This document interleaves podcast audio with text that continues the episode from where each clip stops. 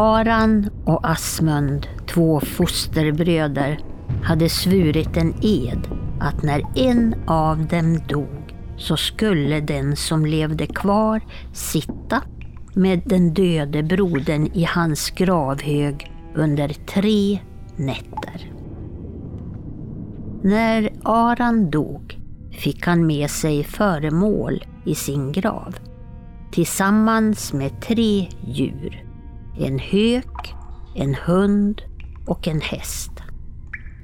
Asmund satte sig i gravhögen för att vaka över liket under tre nätter.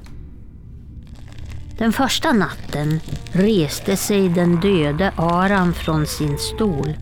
Han dödade höken och hunden och slukade dem.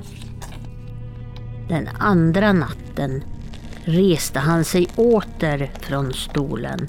Han dräpte hästen och rev den i stycken. Sedan slet han loss stora bitar kött ur hästen med sina tänder och han åt medan blodet strömmade ner för hans ansikte. Han erbjöd att dela med sig av sin måltid men Asmund sa ingenting. Under den tredje natten blev Asmund sömnig och då var Aran över honom och fick tag i hans öron och slet av dem från huvudet. Asmund drog sitt svärd och högg av Arans huvud. Så gjorde han en eld och brände Aran till aska.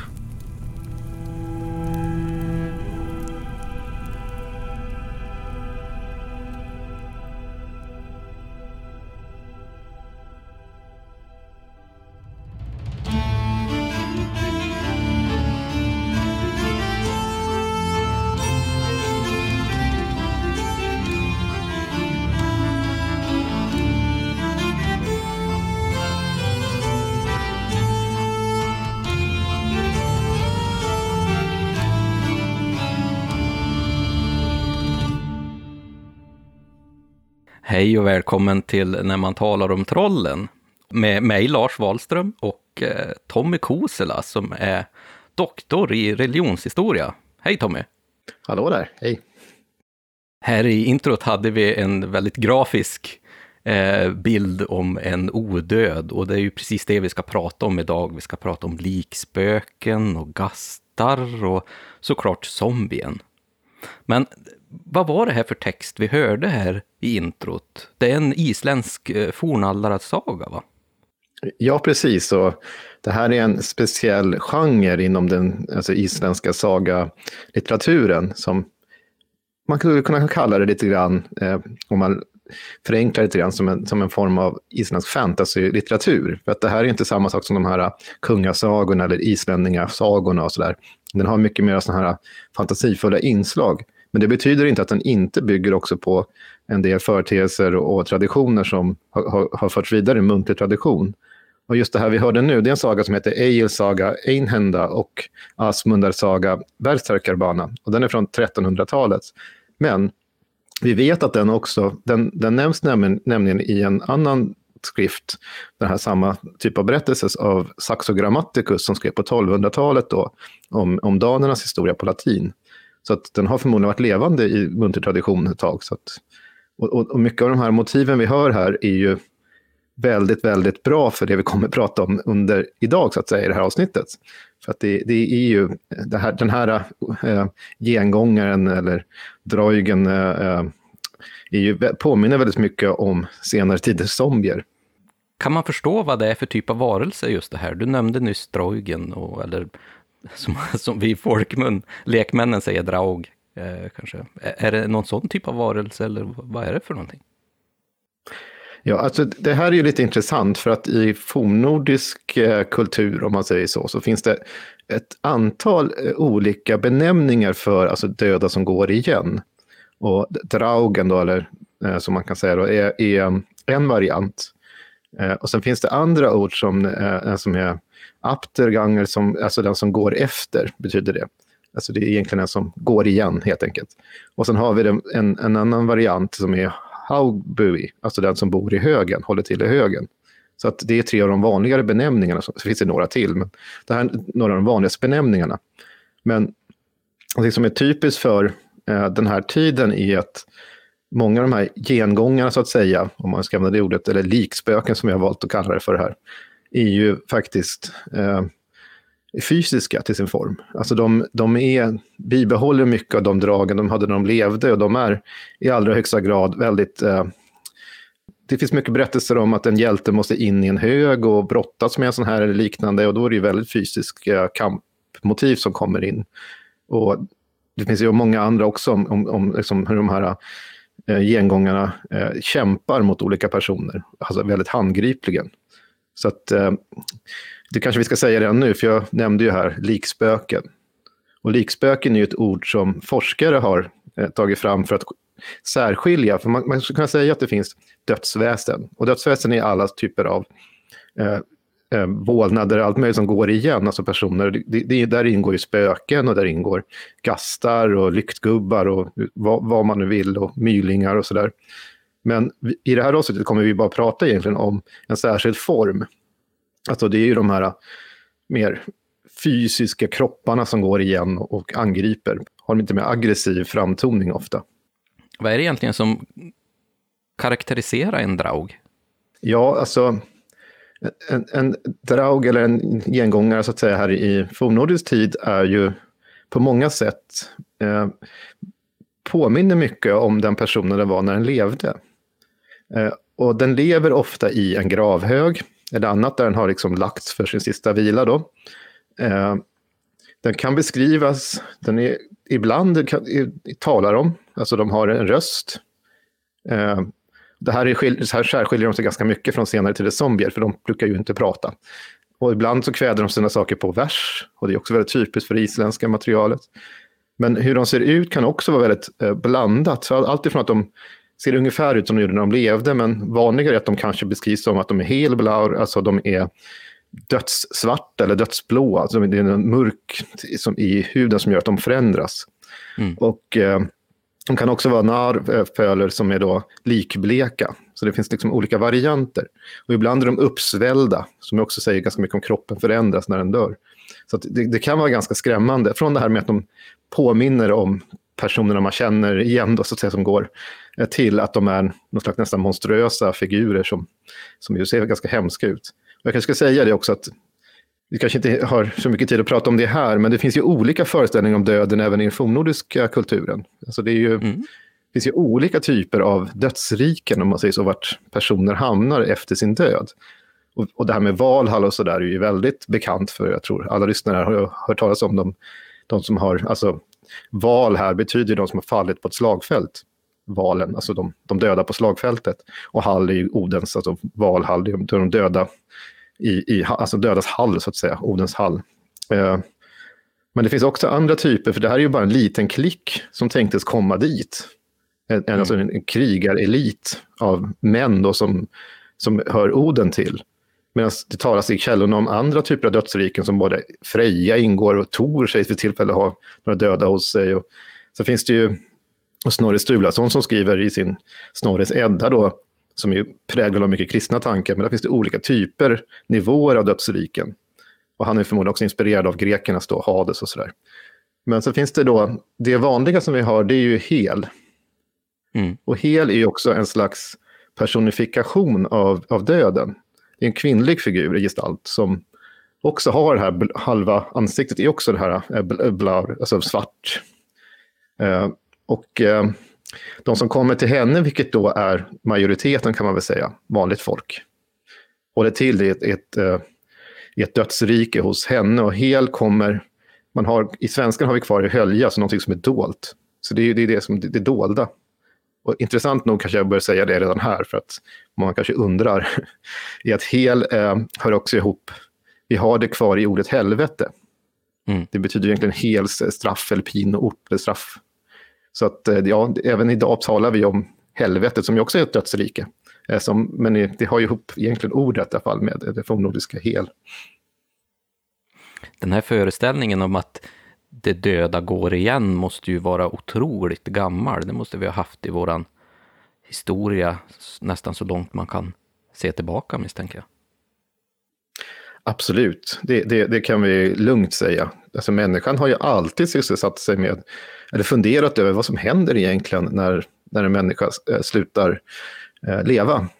Vad, vad händer när de är begravt eller kremerat eller vad man nu gör, eller en, en, död person. Så det här gäller ju över hela världen, alltså att man har olika föreställningar om att det kanske inte tar slut, det kanske finns en annan tillvaro efteråt, en hinsides tillvaro i ett slags dödsrike.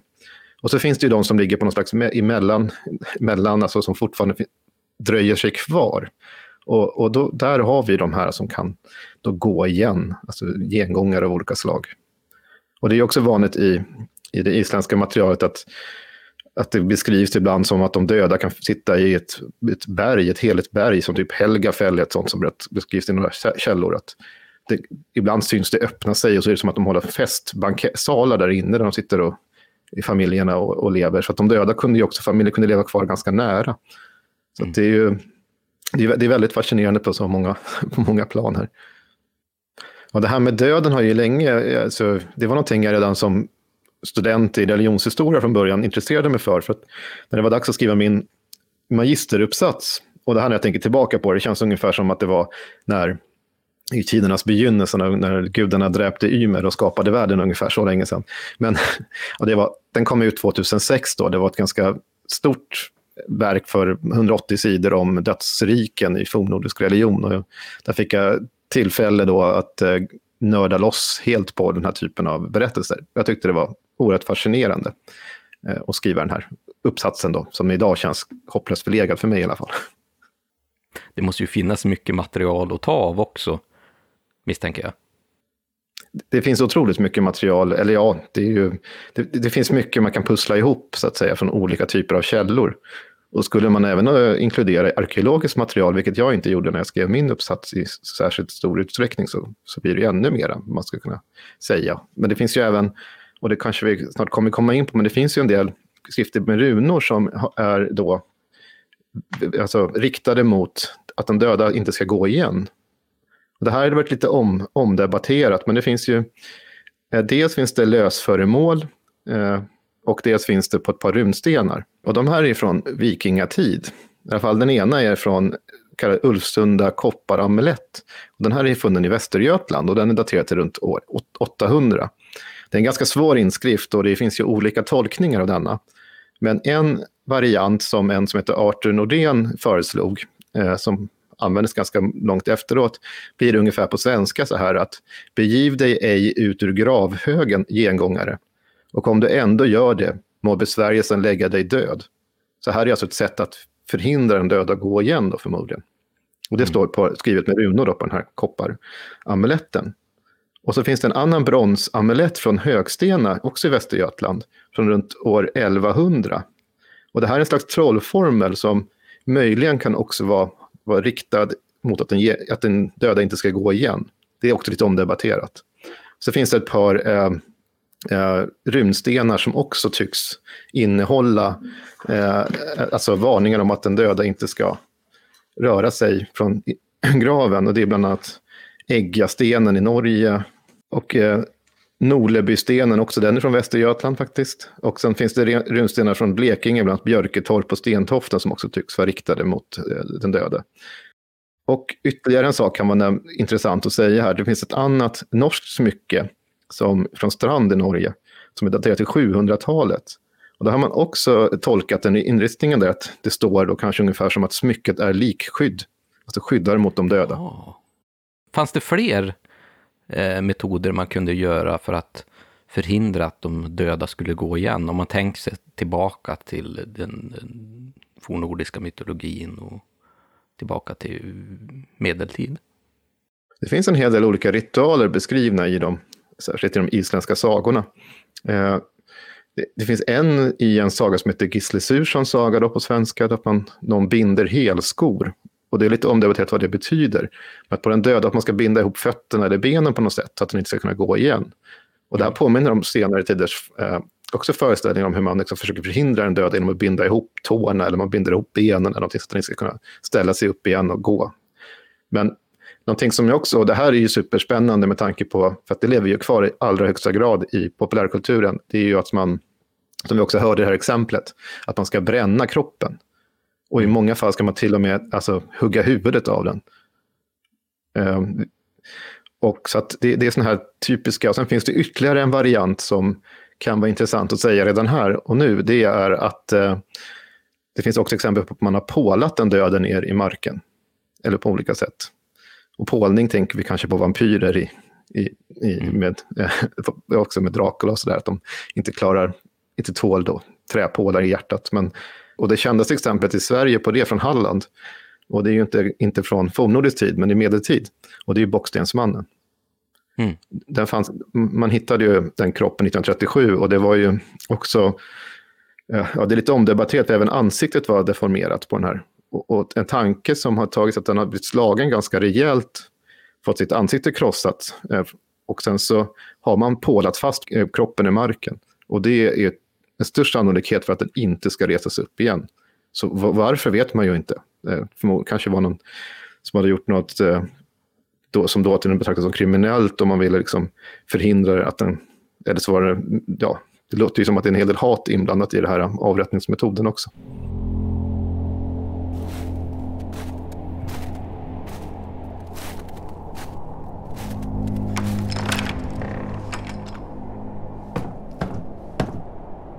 Dagen led mot sitt slut.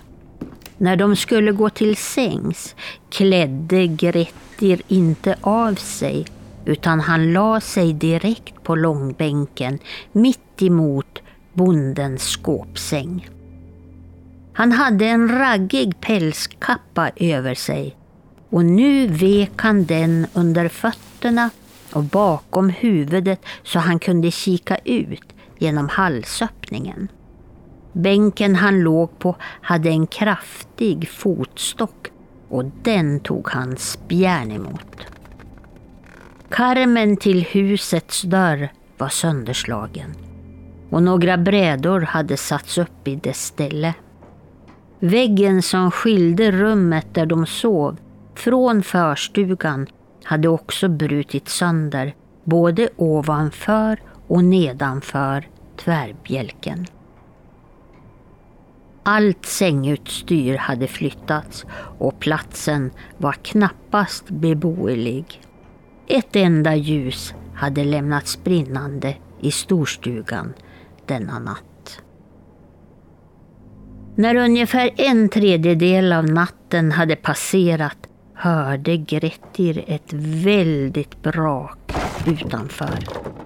Någon klättrade upp på huset, satte sig gränslig över taket till storstugan och sparkade med hälarna så det knakade i bjälkarna.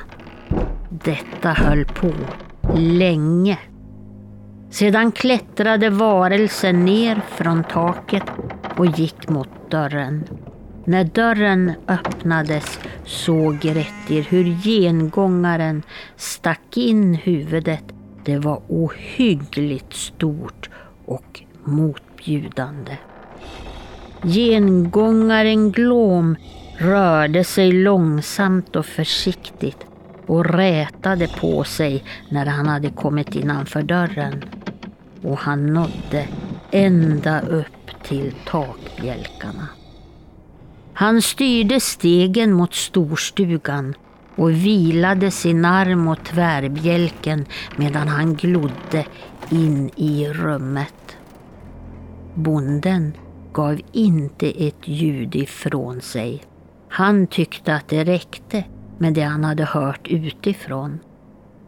Grettir låg alldeles tyst och rörde sig inte. När Glå märkte att någonting låg som i ett bylte på långbänken tog han ett steg in i rummet och ryckte i pälsen med väldig kraft. Gretti tog spjärn med fötterna mot fotstocken och höll emot. Glom ryckte en andra gång och nu mycket hårdare men pälsen rubbades icke. Tredje gången ryckte han så hårt med båda händerna så han drog upp Grettir i sittande ställning och pälsen slets av mellan dem. Glom glodde på pälstrasan han hade i handen och undrade över hur någon kunde dra så hårt mot honom.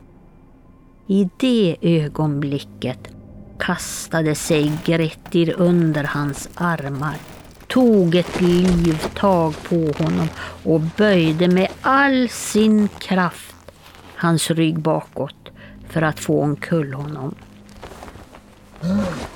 Men gengångaren fattade tag om Grettirs armar så hårt att han vacklade till och tvingades släppa taget. Grettir backade undan över den ena bänken efter den andra. Alla bänkarna slets loss och allt i deras väg knäcktes. Glom drog sig mot dörren men Grettir kämpade för att ta spjärn med fötterna där han kom åt. Till sist lyckades Glom ändå dra ut honom ut ur sovstugan. Sedan började en fruktansvärd strid. För gengångaren ville få ut honom ur huset. Glom var svår att handskas med inomhus och Grettir förstod att det skulle bli ännu värre att slåss mot honom utomhus. Så han stretade emot av alla krafter för att inte släpas ut. Glom tog då i ännu hårdare. Han drog Grettir in till sig när de kom ut i förstugan. När Grettir insåg att han inte kunde hålla tillbaka honom längre kastade han sig plötsligt med ett enda språng rakt i famnen på Glom och tog spjärn med bägge fötterna mot en sten som låg inkilad i marken i dörröppningen. Det hade inte gengångaren väntat sig. Med all sin kraft hade han försökt dra Grettir till sig men nu ramlade han baklänges ut genom dörren. Med axlarna dunsade han mot dörrposten så att både bjälken över dörren och den frusna torven ramlade ner. Glom föll ut ur huset och hamnade på rygg med Grettir över sig. Det var månsken, men då och då skymdes den starkt lysande månen av drivande moln. I samma ögonblick som Glom föll drog molnet bort från månen och Glom blängde ilsket på den. Grettir har själv sagt att det här var den enda syn han sett som fyllt honom med skräck. Plötsligt övergav hans styrka honom, dels på grund av utmattningen, dels för att Glom stirrade på honom med sina rullande, hatfyllda ögon. Oförmögen att dra sitt svärd låg han där och var så nära döden. Glom besatt mer djävulskraft än de flesta andra gengångare och han yttrade nu dessa ord. Du har gått långt för att träffa mig, Grettir, sa han, och du kommer inte få något gott av mig. Jag ska säga dig att du bara nått hälften av den kraft och manlighet som hade blivit dig given om du inte mött mig. Jag kan inte ta ifrån dig styrkan du redan har, men jag kan se till att du aldrig kommer att bli starkare än du är nu. Stark nog kan det tyckas vilka många kommer att få känna av. Hitintills har du blivit ryktbar för dina bragder Men hädanefter skall åtal för dråp och fredlöshet falla på din lott och det mesta du gör skall föra olycka och förbannelse med sig. Du kommer att dömas fredlös och tvingas leva ensam i ödemarken. Och nu lägger jag på dig den förbannelsen att du ständigt ska se mina ögon framför dig. Du kommer att känna det bittert att vara ensam och det ska också vålla dig din död. När gengångaren uttalat dessa ord försvann kraftlösheten som hade kommit till Getir. Han drog sitt kortsvärd, högg av Gloms huvud och satte det vid hans bakdel. Bonden hade klätt sig och kommit ut medan Glom talade. Han hade inte vågat närma sig förrän Glom hade fallit. Torhall prisade Gud och tackade Grettir hjärtligt för att han hade besegrat denna djävulska vålnad. De tog båda itu med att bränna Gloms kvarlevor och grävde sedan ner dem så långt bort från beteshagar och allfarvägar som möjligt. När de vände tillbaka hem hade det börjat att ljusna. Grettir gick och la sig, för han var mycket öm och trött i hela kroppen.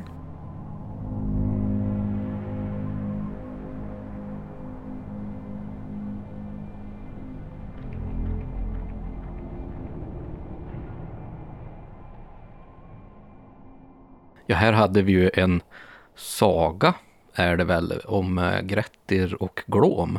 Vad är det här för saga? Det är Grettir Starkes saga. Det är en, sån här, det är en ganska berömd isländsk saga. Som, han är ju en sån här eh, kraftfigur, om man säger så, en hjälte som aldrig viker för någonting och sådär. Så, i, I den här varianten så möter han ju sin, eh, sin jämlike kan man säga, eh, den fruktansvärda gengångaren Dreugen eh, Glåm, eh, som, som beskrivs väldigt, han är ju väldigt extremt fysisk, måste man ju säga. I det, här. Mm. Det är ju en brottnings, en, en riktig kraftmätning mellan de här två. Och Grettir får vi inte glömma, han är ju verkligen den här starkaste av de starka. Så att den här kampen slår ju sönder hela huset och allting, så det är ju, det blir en riktig eh, brottningsmatch mellan dem. Och det sägs ju också här att Grettir har aldrig eh, varit rädd eller känt någon fruktan förut, förutom när, mm. just när han ser ögonen, de hatfulla fyllda ögonen hos Glom som då reflekterar månljuset. Och så får vi också höra här att Glom också utslungar en förbannelse mot Grettir. Och det här är mm. också sånt där typiskt motiv för att de som är i dödsögonblicket, alltså antingen mellan liv och död eller de döda, de har en slags, och det här är typiskt också från den isländska sagan, att får någon höra något sånt här så slår det alltid in. Det går liksom inte undkomma, undfly sitt öde på sätt och vis. Och I det här fallet så är det faktiskt eh, Glom som, som liksom förbannar Grettir. Och det, mm. det, slår ju in sen. Men han, han lyckas ju övervinna den här eh, vidundret och eh, först förnedrar han honom genom att sätta sitt huvudet mellan, i, i, bakdelen på honom så att säga. Och sen bränner de tillsammans upp eh, kroppen. Och det är enda sättet att förhindra. Inte, ja, ibland så hjälper inte det heller kan jag förresten säga i en del sagor. Men här så stoppas det ju eh, glåm och, och vi har ju också att den här personen han möter prisar, alltså han är kristen då, som, andra som han möter, som, som eh, prisar Gud och så.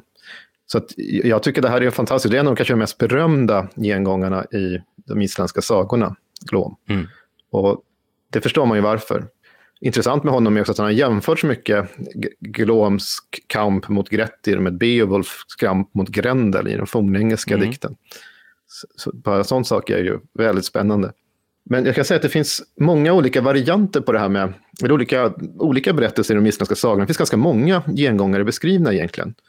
Mm. Eh, några sagor som liksom vimlar av gengångare, det är några av de här islänningasagorna som en, en ibland Eirbygga saga eller Eirbyggarnas saga på svenska. Då. Och där finns det också ganska spännande beskrivningar av oftast när personerna är svåra att ha att göra med när de lever, så blir de oftast mm. ännu svårare att ha att göra med när de är döda. Och det här är samma föreställning hittar man även i yngre folktro. Den som går igen är, liksom, det blir en förstärkning av den, de negativa sidorna nästan hos personen. Och här är en som heter Torolf då, som dör i, i Eirbyggarnas saga. Jag kan läsa en del här för att det, den innehåller en del ganska spännande ritualer. Eh, och det berättar att när den här eh, Torolf, han har dött, han har gått och satt sig i sitt högsäte och där dör han, liksom, så att säga. Och eh, eh hans huskarlar som kommer dit, de ser att han är död, men han sitter kvar i, i sätet. Och de blir livrädda, så nu ska jag läsa då, citat. Husfolket var skräckslaget eftersom alla tyckte att hans död bådade illa. Armkel gick nu in i eldhuset och in bakom sätet där Torolf satt. Han bad alla att akta sig för att gå framför honom innan hans mun och ögon hade blivit tillslutna.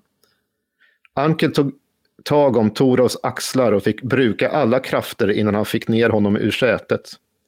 Därefter svepte han ett kläde runt hans huvud och tog hand om honom så som brukligt var. Sedan lät han bryta upp ett hål i väggen bakom honom och dra ut honom där. De spände oxar för en släde. Torolf blev lagd i släden och de körde upp honom på eh, Forsardal och det var, eh, det var inte utan besvär som de lyckades föra honom dit där han skulle ligga. Där begravde de honom ordentligt. Och sen red de hem igen och sådär. Jag ska bara ta ett avbrott här, för att det här innehåller en hel del spännande detaljer. Dels har vi det här med att man får inte gå framför den döda för att hans ögon är fortfarande öppna och munnen. Mm. Och det betyder ju att ja, det, det är en fara med det också. Så man måste tillsluta dem. Och sen är det så, han så, han så pass svår att göra med så man kan inte ta ut honom den vanliga vägen. För att man tänker sig att den döda när den går igen, om den går igen, så går den tillbaka samma väg som den har gjort mm. eh, eh vanligtvis. Eh, och därför gör man någonting annorlunda. Man bryter upp en, en del på baksidan i huset i, i, det, här, i det här fallet. Och liksom för ut honom den vägen och sen liksom för, eh, täpper de igen den igen. Det betyder att den döda inte kommer hitta tillbaka. Och i yngre folktroföreställningar så hittar vi samma föreställning faktiskt. Och det är ibland att den döda ska liksom lyftas ut genom ett fönster, ibland bäras ut baklänges och så vidare, så den inte ska hitta tillbaka, den ska bli förvirrad, så den inte kommer tillbaka där den var när den levde. Och sen har vi också en detalj här som är spännande, att han är oerhört tung. Att oxarna blir trötta, det är oxar vi pratar om, det är inte mm. någonting annat. Eh, och de blir trötta av att dra när man är väldigt, väldigt tung. Så att eh, det är också någonting som är typiskt för de döda, att de är inte, de är inte som normala eh, personer. I det här fallet för att det är något väldigt speciellt. Och om vi återgår till sagan här så kan man ju säga att, att nu börjar det hända saker i den här. Samma Torolf eh, vilar ju inte i frid om man säger så. Citat. Efter Torolfs bägerfots död tycktes det många att det hade blivit värre att vara ute så snart solen gick ner. Och allt eftersom sommaren gick blev folk varse att Torolf inte låg stilla. Folk lämnade aldrig, lämnades aldrig i fred utomhus efter solens nedgång.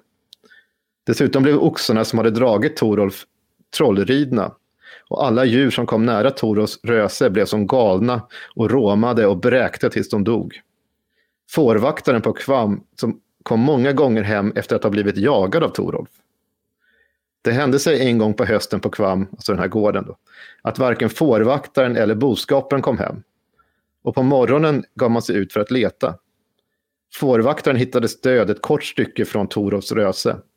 Hela han var kolsvart och varje ben i kroppen var sönderslaget. Han begravdes bredvid Torolf och alla djur som hade varit i dalen återfanns döda eller så hade de sprungit till fjälls och blev aldrig återfunna. Om fåglar satte sig på Torovs röse föll de döda ner till marken. Denna hemsökelse blev så omfattande att ingen vågade låta sin boskap beta uppe i dalen. Man hörde ofta häftiga brak på nätterna i Kvam. Folk tyckte sig också märka att någon red gränsle på storstugans tak. Och när vintern kom blev Torolf ofta sedd hemma på gården och han gav sig särskilt på husfrun. Många led av detta och hon själv förlorade nästan vettet. Det slutade med att hon dog på grund av detta.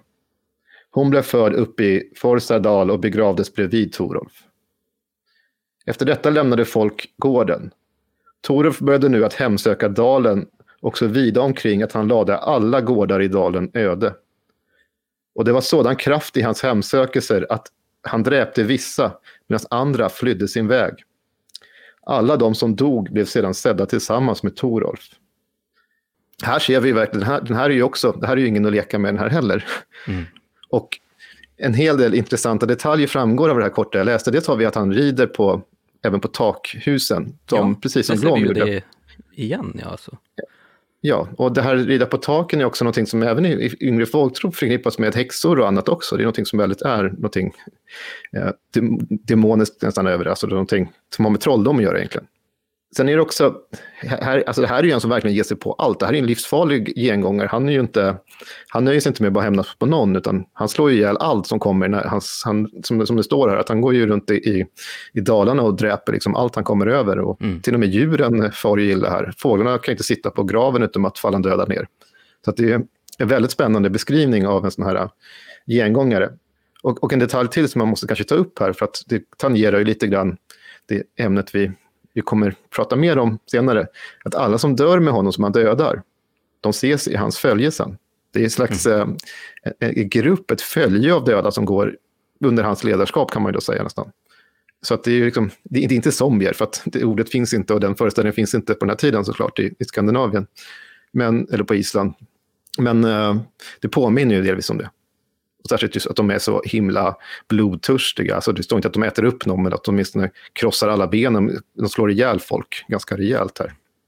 Och den här sagan fortsätter senare att berätta om hur den här Torolf slutligen förs till en ny plats och begravs där. Och sen så, ja det är ännu tydligare då att hans kropp ska tas dit och det är oxar som drar som liksom blir helt utmattade och så där, för att han är så himla tung. Det går inte att dra honom. Och eh, sen bygger de en mur runt den här platsen och den står till och med att den är så hög så bara fåglarna kommer över den och då ska det vara lugnt för en tid i, i trakten. Så då får de liksom stopp på de här hemsökelserna från den här gengångaren. Eh. Och som sagt, den här sagan är ju byggarsaga då. Den är, den är full med sådana här berättelser på döda som går igen. Det finns en kvinna som nämns senare som ses stå helt plötsligt naken eh, i stugan och hon anses också vara väldigt svår att göra med. Och eh, Därefter kommer det också, det finns en speciell gård i den här som är liksom väldigt hemsökt i sagan. Och det, det är liksom en grupp personer som omkommer, som drunknar till havs. Och de ses, även när folk sitter och dricker gravöl då för dem, det gjorde man ju i fornnordisk tid också, så kommer de tillbaka till stuga, till, till hemmet hela tiden. De kommer liksom i grupp och det finns liksom, de gör det flera gånger. Så till och med står att de vid något tillfälle står och vrider ur sina våta kläder och sådär. Så de är, de är inte alltid kanske direkt farliga, men det är väldigt obehagligt. Och de är väldigt fysiska också, så att de, är, de finns där. De kommer tillbaka in och folk, det berättas också i sagan att de är rädda för de här. Alltså det, är ju, det skulle väl de flesta bli kanske. Det kommer en grupp drunknade personer tillbaka och, och, och, och liksom låtsas som att ingenting har hänt. Det är ju ofta väldigt förekommande, även i modernare folktro, att just de, de som förliste till havs eh, blir gastar eller likspöken eller kommer igen för att de inte har fått, fått ehm, begravas i vig jord. Det kanske är mer en, en kristen företeelse, men ändå. Ja, precis. I det fornnordiska fanns det, vi ändå pratar om dödsriken och sådär, och tangerar det, så är det ju någonting annat när det är till havs. Det finns ju en, eh, en gudinna som heter Ran, eller Rån, som eh, tänktes, de döda som dödas, som, som förliser till havs, de liksom dragna ner. Hon har ett stort nät, i, sägs det mytologiskt, att hon tar och drar ner dem i sitt dödsrike under, under havsytan. Så att den, den föreställningen fanns också, fast den är, den är inte kristen då, utan då är det en förkristen variant på just någon som, ja, havet som ett dödsrike helt enkelt.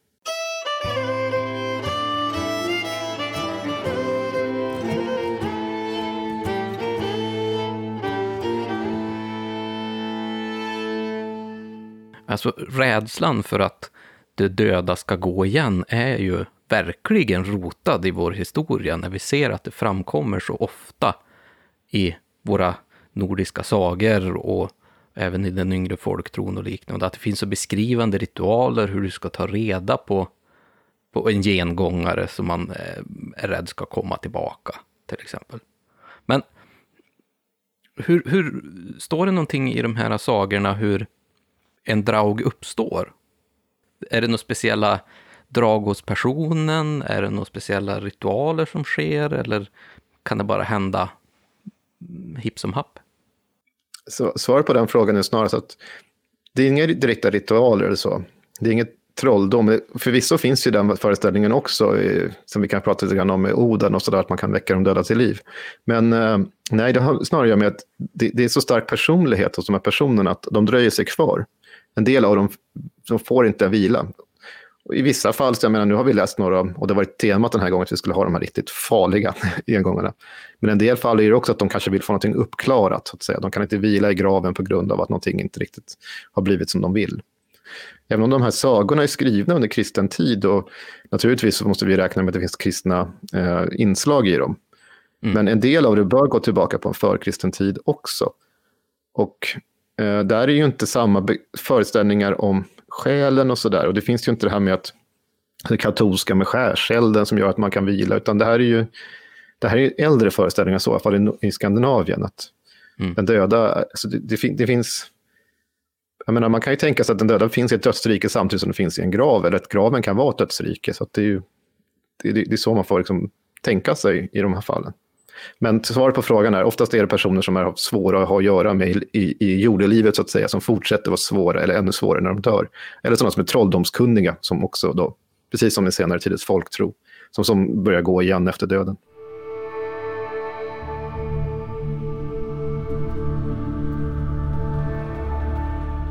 Det berättades om Rapp att han blev allt svårare att komma till rätta med. Han gick så hårt åt sina grannar att de knappt kunde hålla stånd emot honom. Rapps sinnelag förblev sig lika, men hans krafter minskade på ålderdomen så han tvingades att ligga till sängs.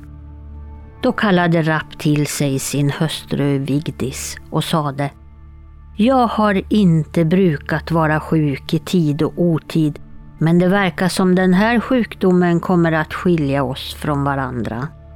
När jag är död vill jag bli begraven under köksingången. Sätt ner mig stående i graven under dörröppningen så kan jag fortsätta att vaka över mitt hus. Kort därefter dog han.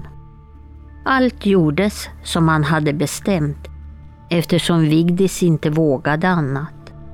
Men om han hade varit svår att ha att göra med under sin livstid så blev han etter värre efter sin död eftersom han gick igen. Det sägs att han som vålnad dödade de flesta av sina tjänare. Flera som bodde i närheten råkade också ut för hans övervåld. Till slut lades gården vid Rapstadir öde sedan Vigdis hade flyttat västerut till sin bror. Nu, liksom tidigare, uppsökte folket Höskuld och berättade om Raps övergrepp och man bad honom att göra något åt saken. Det lovade Höskuld och han for med några män till Rapsadir. Han lät gräva upp Rapp och förde bort liket till en plats där det varken fanns folk eller fä i närheten. Sedan var det slut på Rapps spökerier.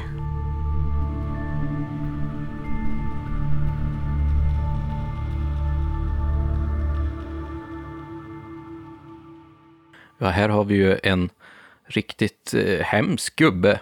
Eh, gubben Rapp som eh, dog av en sjukdom och han eh, var en riktigt elak eh, typ mot sina grannar så att han fick bli en gengångare och blev ännu mer elak efter det. Var kommer den här eh, sagan ifrån?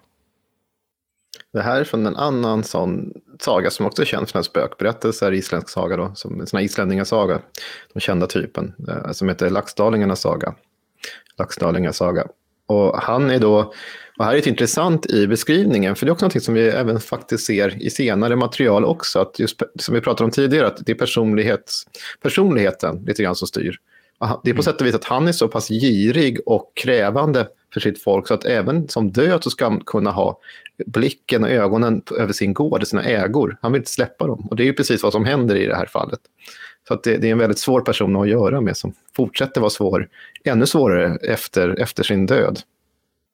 Det kanske är någonting som skiljer just de här fornnordiska eh, draugerna eller lik, de levande döda jämfört med dagens zombier, att just personligheten finns kvar i den här gengångaren. Och kanske en ännu mer förstärkt ondskefull varelse, medan zombien i sig är mer eh, Eh, ett hjärndöd eh, lik som går igen och bara har en sak i, i mål, liksom, i syfte. Det finns ju, jag skrev ju om det här i, i en bok som heter Zombier, zombier, zombier eller Omgiven av odöda. Eh, där jag skrev ett kapitel just om, eh, jämförde äldre tiders gengångare med zombier. Eh, och, och det, det, var någonting som är intressant, för mycket av det här äldsta materialet eh, under fornnordisk tid har en hel del som så att säga, påminner om zombier. Men det är precis som du säger, att en zombie har ytterst sällan någonting kvar av sin, sin eh, personlighet, utan det är ju mer ett, eh, ett rovdjur så att säga, utan någon hjärna egentligen. Mm. Eh, bara på sådana primala enkla drag. Men det är, så är inte fallet här, de är ju de är i allra högsta grad tänkande. Men det finns någonting annat som är intressant, för det är inte så vanligt att gengångare äter de levande i fornnordisk kultur. Det är ytterst ovanligt överhuvudtaget att se att de, att de har den, den typen av behov. Däremot så är de väldigt benägna att slå ihjäl saker, folk och, och fä. Och det, det, finns några saker som faktiskt motsäger det jag precis sa nu, men det är, det är ovanligt.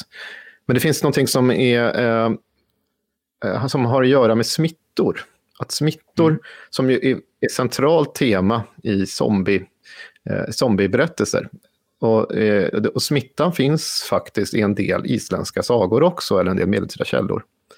Och jag har några exempel på det.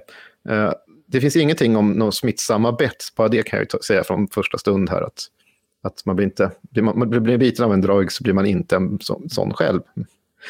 Men eh, det finns en saga som heter Erik den röde saga som är väldigt känd, för den handlar bland annat om upptäckten av Nordamerika eh, och bebyggelsen på Grönland.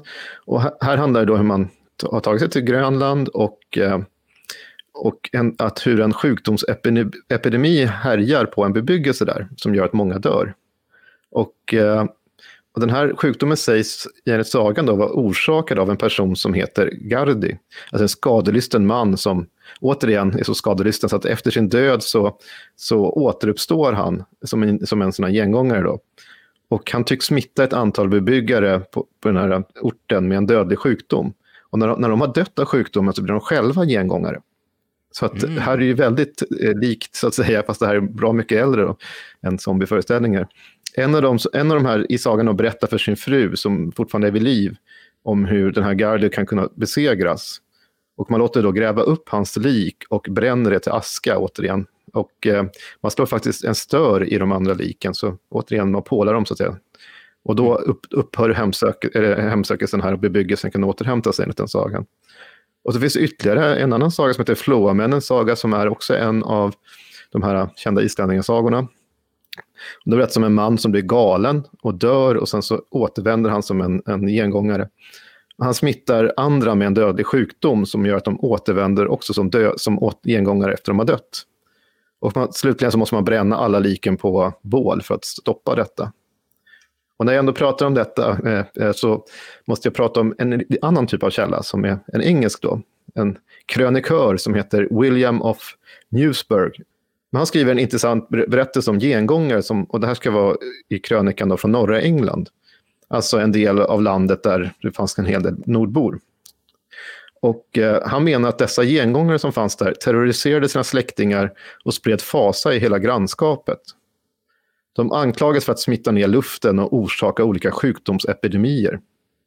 De ansågs även dricka blod och omnämns som blodsugare. Han skriver här på latin. Då. Väldigt spännande. Eh, och eh, när de gravarna eh, senare öppnas så, så är deras kadaver uppsvällda och täckta av blod. Och då, deras svepningar som man har svept de döda med då, är söndertrasade. Och för att stoppa det här skräckväldet så går uh, unga män, män till kyrkogården, gräver upp liket och hugger i, hugger i bitar och bränner det på bål. Och, sen, och först har de också avlägsnat hjärtat på, på dem. Så det är väldigt... Det har gjorts jämförelser med eh, fornnordiska sådana här dröjgare, vad vi ska kalla dem för, eh, och eh, vampyrer mm. som är från kontinenten.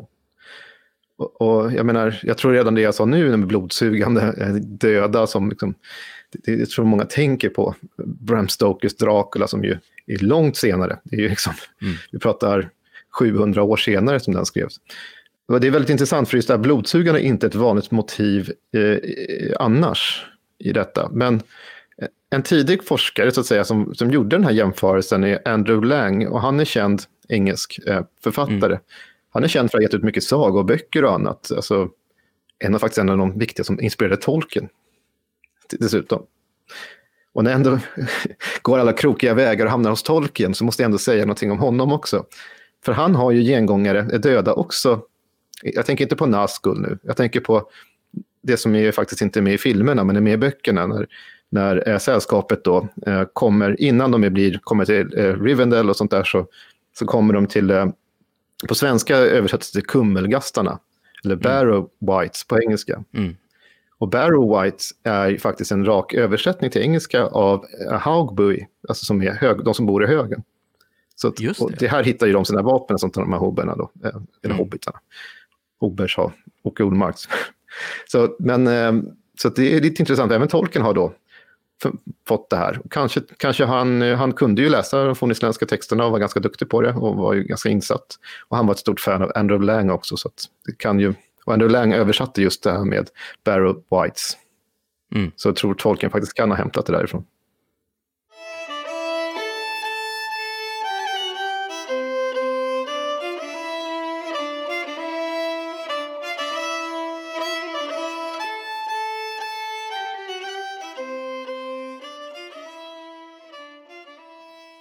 Vi har ju lite tidigare prata lite om eh, de nordiska gudarna och deras relation till att uppväcka de döda. Och då var det ju kanske främst eh, att vi pratade om Hels dödsrike och kanske att även Freja tog hand om vissa döda. Men Oden har ju en speciell plats i mytologin som har en nära relation till att både ta hand om de döda men även att kanske återuppväcka dem. Absolut. ska man prata om fornnordiska gudar och eh, döden så går det ju inte att undkomma Oden, för han, står liksom, han är så central man kan komma där. Och eh, flera av hans namn till för honom, han kallas ju för de hängdes eh, drott och sådana saker. Det finns många omskrivningar för honom. Och det berättas ju om att han kunde sitta under de hängda och, och liksom rådfråga, att han väcker dem till liv för en stund. Eller att han för att få frågor. Och det här är, sån här, det är superintressant faktiskt, för att de döda tänktes ju eh, ha en förborgad kunskap som liksom hör dödsriket till. Mm. Och det är även gudarna ute efter. Alltså det finns flera exempel på det, typ, framförallt Oden då, väcker upp en död völva eller någonting, alltså en spåkvinna, och eh, förhör om saker och ting. Och det är ofta saker som då hör till, till döden. Men just Oden är också en sån som dels kan väcka döda till liv, för det, det finns det också exempel på. Det finns, han är ju den också som behärskar trolldom till, till liksom fullo. Och eh, det här är ju en del av hans konster. Du vet också om att han har en, eh, ett huvud. Jag har skrivit en artikel om det här som är att jag kallar det här huvudet det är mimer, att det är ett jättehuvud från en jätte. I alla fall enligt min tolkning. Uh, och det, det, är ju ett avhugget huvud och den smörjer han med örter och sådär som han, han håller den vid liv och det är en av hans då, uh, alltså, som en rådgivare som man hela tiden vänder sig till i, när det är kriser och sånt där i, i den, enligt den mytiska berättelsetraditionen, då, när gudarna upplever saker och ting och måste ta reda på något. Och då är det mimer som ofta sitter med den här förborgade hemliga kunskapen. Men det är, det är en väldigt fascinerande bild att se. Det är ett avhugget huvud egentligen som är, hålls vid liv bredvid den här guden. Så det är ja, det, det, förmodligen är det en ganska skrämmande bild. Oden var ju verkligen ingen gud som gemene man vände sig till. Mm. Och det är ingen gud som jag tror man skulle vilja befatta sig med heller, för det är ju en ganska eh, förrädisk gud på många sätt och vis. Hans, hans, hans jakt på visdom och kunskap eh, kan ju gå ganska långt faktiskt. Ja, precis. Och det är, det är oftast gudarna själva som är de som är provokatörerna som ger sig ut. Och, och även Tor är ju likadan, fast de, som man säger inom forskningen, att det är kanske episka krav som gör att de här gudsbilderna framställs väldigt olika. Alltså Tors motståndare, de jättar och sånt han möter, är ju Eh, motsvarar honom själv i, i sin form, är starka och kraftfulla jättar. Oden, som aldrig i princip kämpar, den enda gången man ser honom strida egentligen, förutom när han kastar ett spjut över en här och viger den till sig, det är det är ju själva undergången och då blir han ju slukad direkt av Fenrisulven. Så att han är inte direkt krigare själv på samma sätt som Tor, är ju en kämpe. Så att säga. Och därför, det Oden gör, det är att han utmanar jättarna i, i, i visdom. Han söker upp de visaste jättarna. De är långt ifrån dumbommar i fornnordisk religion, eh, i myterna. De är kloka, är många av dem, inte minst nästan klokare än Oden själv. Det är därför han vill åt deras kunskap. Och det gör han ju ibland med fula tricks då, så att han ska vinna i slutändan. Han har ju också en, en här som han samlar i sin hall, eh, som består av döda människor som har fallit i strid. Ja, det där hör ju till med den här Pardis-föreställningen, om man ser det som Valhall, då, de, döda, alltså de fallna krigarnas hall, där de håller sig till då, hos, hos Oden. Och det är ju det är de här inhärjarna som då är hans eh, kämpar. Och, och det är de mest framstående krigarna och kungarna i regel, det är de som blir upptagna i den här hären som hela tiden eh, alltså, förökas och blir större och större, för att tanken är ju att när eh, Ragnarök, den sista striden så att säga, bryter ut, då är det här gudarnas krigare som står vid deras, på deras sida, eller Odens krigare med honom. Då. Det beskrivs ju ganska episkt hur de här eh, väller ut ur alla rum ur Valhall när, när den sista striden kommer, när jättarna kommer över från olika håll, men bland annat, de rider ju över själva regnbågsbron så att liksom, allting bara brister sönder för att det är så kamp och då kommer, då är det gudarnas eh, eh vapen är ju är de här inhärjarna som, som de ja, så det blir ett stort slag, så att säga. Men även i den här stora undergången, när eh, gudarna faktiskt ju, går under, de dör, eh, och eh, så berättas ju också om hur de, hur liksom de döda rör på sig. Det är också i en strof i den här Völvans spådom, det är också hur de döda liksom går på helväg, alltså de dödas väg. Liksom, så de är också i, eh, i, i, liksom i rörelse på den här, i samband med undergången.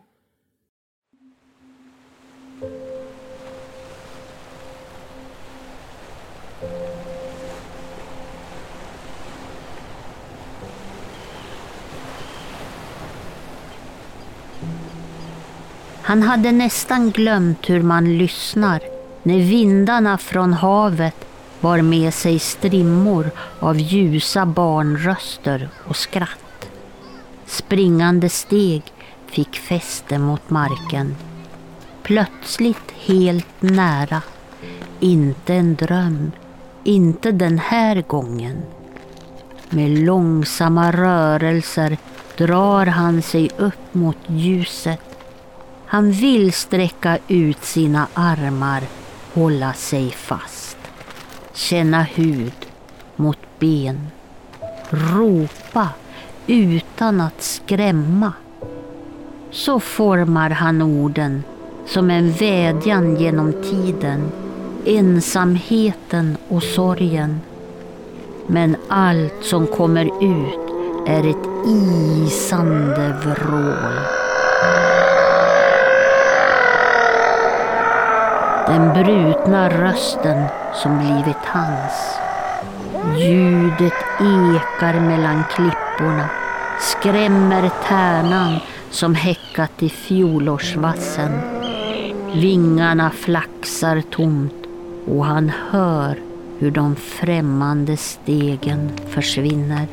Bort från stenstranden och hans utsträckta händer. Ögonblicket passerar. Tidvattnet är på väg in. Samma krafter som en gång bar honom hit. Då var han redan förlorad. Ingen överlevde stormnatten som tog både manskap och skepp. Havet blev en grav där inga stenar kan resas.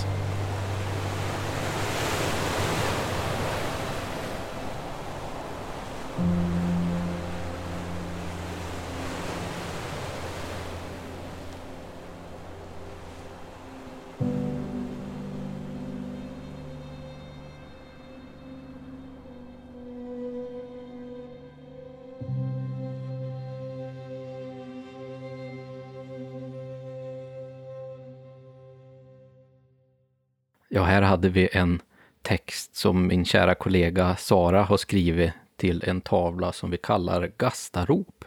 Och både Sara och jag är väldigt fascinerade av den här tanken på att man får se hur ett väsen ser på världen genom sina ögon.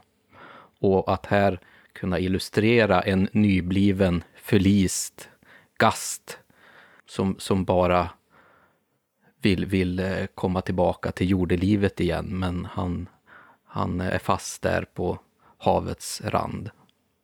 Och när vi pratar om gastar så har vi kanske förflyttat oss fram i den mer eh, moderna folktron, där vi även pratar om likspöken och gengångare. Men vad kallar vi egentligen gengångarna i, i den moderna folktron? Vad har vi för, för olika benämningar på dem? I folktron, och då tänker vi ju kanske framför allt då eh, 1800-tals eh, bonde och fiskesamhället i stor, i stor utsträckning. Det fanns nämligen det fanns en, en uppsjö olika benämningar. Och som vi sa redan i början här så kanske, kanske vi ska hålla oss fast vid vissa typer. För att ska vi prata om dödsväsen överlag, då får vi ett väldigt långt avsnitt. Så det är bättre om vi skulle kanske återvända till några av de här senare någon gång. Som typ mylingen och så, som är en särskild variant. Men eh, gasten, eh, ja, gast är ett ord som används lite olika, olika på olika håll i landet. Det kan användas som, som en, en gengångare, som, eller ett, en död som återvänder och ställer till en ganska mycket oreda omkring sig. Mm. Man kan höras ibland, alltså gasta, det, ordet kommer ju härifrån, äh, gastar, att man gastar. Och eh, ofta så hänger de sig på alltså häst och vagn, ett sånt, sånt ekipage, och liksom hänger. Och då kan de vara osynliga, även om de är väldigt fysiska i vad de gör. Så, så, och de syns inte, men att hästarna blir trötta och slutar dra och sådär. Och ibland kan en person få en brännande örfil från ingenstans och hör liksom ett, ett hånfullt skratt någonstans, och då är det gasten. Och på många håll i landet har vi också så gastbackar och vidare som finns i ortnamnen. Då, som ju har att göra också många gånger med föreställningen om att det finns mycket gastar som håller till där. Och åter då till frågan om benämningar, så det kan vara lite svårt. Och jag tycker en, en person som ju säkert är känd för många lyssnare här, det är ju Bengt af Klintberg. Och han har ju sysselsatt sig med just att utforska eh, de här kategorierna. Det gjorde han ju redan på 60-talet. Det kom en artikel på engelska om gasten och sen översattes till svenska och gavs ut och finns att få tag på som ett häfte som bara heter Gasten i svensk folktradition. Och där skriver han ju om hur man har gjort som forskare, man kan tänkas på de här olika benämningarna som gengångare, spöken som ibland kan vara dialektala synonymer och ibland inte. Men man säger det karaktäristiska för en gengångare som vi använder mycket här eh, är att det är en död som återvänder från graven till den miljö den har varit, lev, levt i. Eh, den har oftast bevarat mänskliga drag och egenskaper eh, och brukar benämnas vid sitt namn så att man vet vem det är, men inte alltid. Och det finns ibland särskilda skäl för att den visar sig. Ett annat ord som vi inte kommer gå in på, det är just den kategorin, men det är spöken. Och det är lite mer vagare, alltså det är ju någonting som oftast har den, den kan ha, men oftast har den inte den här fysiska kroppen vi pratar om. Det känns oftast som att eh, spökena handlar mer om en, en eh, drivande ande, mer än att det är ett eh, återuppståndet lik eller monster. Precis, men problemet är att ibland i, i folktraditionen så kan spökerier och sådär användas som ett ord som för, för väsen överlag. Alltså det, precis som eh, oknytt, så, eller skrömt eller troll och annat. Men det finns andra kategorier, eh, bland annat för mördade odöpta barn finns det ju myling och mjöling och även ibland gast används för den här typen. Och, och det här, det, det är ju som sagt det är ett jätteämne som jag själv har varit ute och föreläst bara om det flera gånger. Och det är ju liksom, det, det måste vi nästan någon gång ta, ta upp i ett kommande avsnitt. För det, det gjordes en, en jättefin studie också på 60-talet om om det här alltså, liksom över, hela, över hela Norden, de här föreställningarna. De liksom finns överallt i väldigt stor utsträckning och även finns i domstolsprotokoll personer som anklagas för att ha mördat sina barn på det här sättet. Ibland ganska grymma metoder också för att inte de döda ska gå igen. Och eh, sen finns det ju eh, varianter som drunknade som strandvaskare då, någonting som används bland annat i Skåne. Strandvräling i Halland, och strandvrak i Götalands eh, ostkust. Och så finns det olika namn för en osalig lantmätare som har falskt dragit fel, alltså gränserna fel. Eh, och det kan vara en lyktgubbe exempelvis i en, en av formerna. Sen finns det andra varianter som att man kan kalla någon död som står, de är oftast rör sig i nattetid. Natten är oftast väsenas tid överlag, det är liksom då det är extra farligt när solen har gått ner. Och det finns en föreställning om de döda ute och rör sig där och sen så står de kvar när solen går upp. Då blir de som säga fru, nästan som frusna där de står. Och då kan de kallas för dagståndare eller middagsgast eller någonting.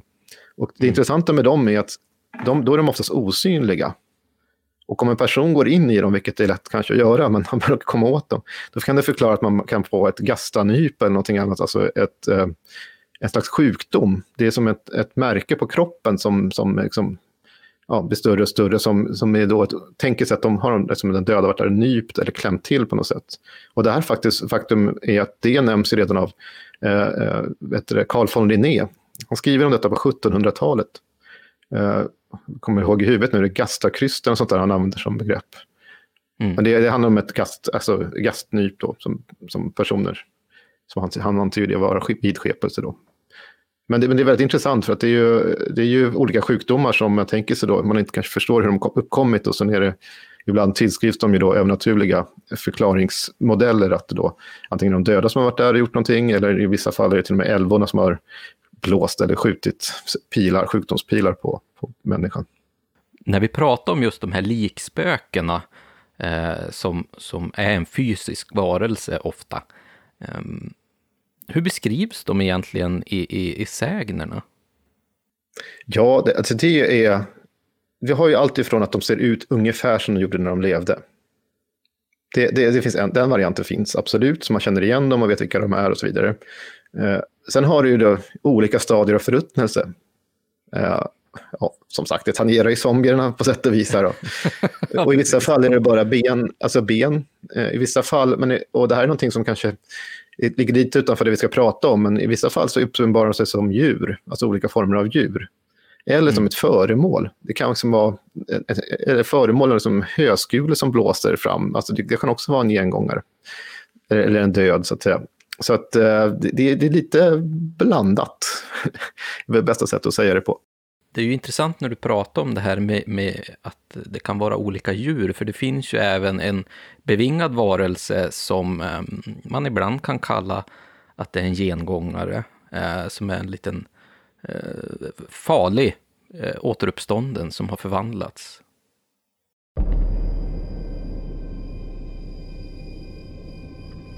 Myrlingen, det är en mördares offer som inte får någon ro förrän han blir lagd i vikt jord. Mördaren kan slå in en färsk kil från ett eketrä genom bröstet på den nedgrävde myrlingen. För då blir myrlingen kvar vid platsen till dess att veden har förmultnat. Men sedan blir myrlingen en nattrams som far omkring överallt och söker efter sin baneman. Lyckas nattramen finna sin mördare, då dödar han.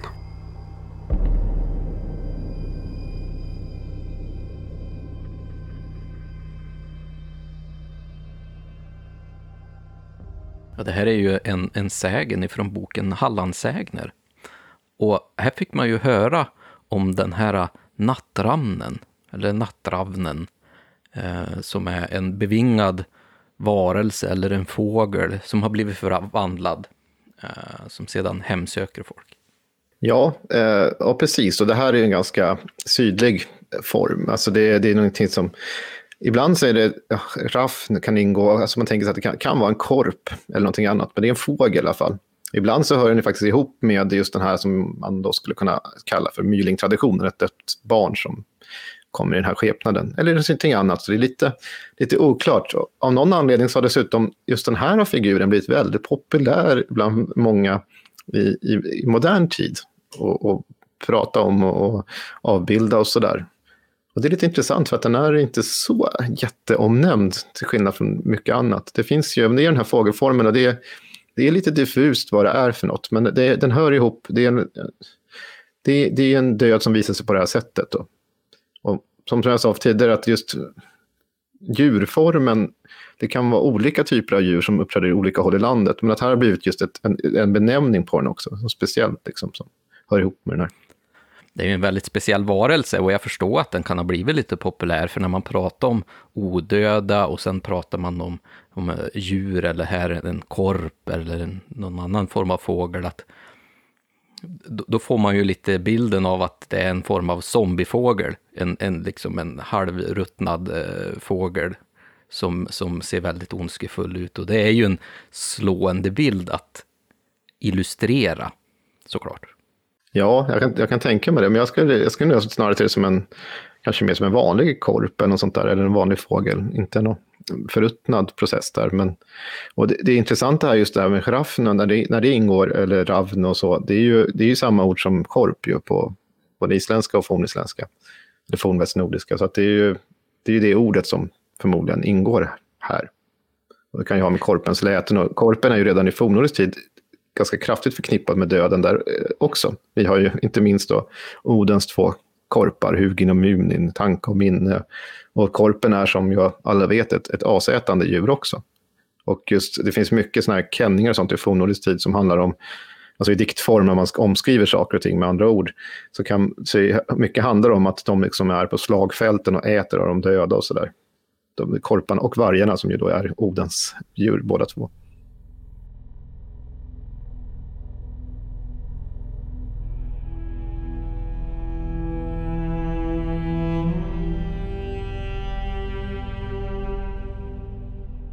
Min morfar skulle ha rott en gast en gång. Från Stäk till Anholmen hörde jag att de berätta. Det hade stått en gast vid Stäk och en vid Anholmen och de var så ilskna på varann. Men de kom inte åt varann förrän morfar hade lovat att ro över den ene. När gasten satte sig i båten hade han haft så förskräckligt långa ben så de räckte ända från aktersätet där han satt och ända över framgaveln. Gubben hade en stötel i båten, en sån där påk som de hade att pulsa med. Får jag låna fars klysa, sa gasten. Ja, det skulle han få. När gubben lagt till med båten sprang gasten upp till den andra och gav pån riktiga tag med påken så ropade han till morfar och frågade om han tyckte att han behövde mer. Jo, det behöver han, sa gubben och han upp på ganen bleka till. När de rodde tillbaka frågade gasten vad han ville ha i betalt. Han skulle få vad han än tog till. Jo, morfar han ville ha noten full med sjuårsabborrar. Ja, det skulle han få. Och noten full med abborrar, det fick han, men de var inte större än hästgosöm. Ja, se abborrar, de växer så förfärligt sakta, men det hade ju gubben inte reda på. Han tyckte han tog till så det skulle räcka när han sa sju årsabborrar. Men nu fick han se hur stora sådana är och hade han vetat det hade han inte nöjt sig med så dålig betalning.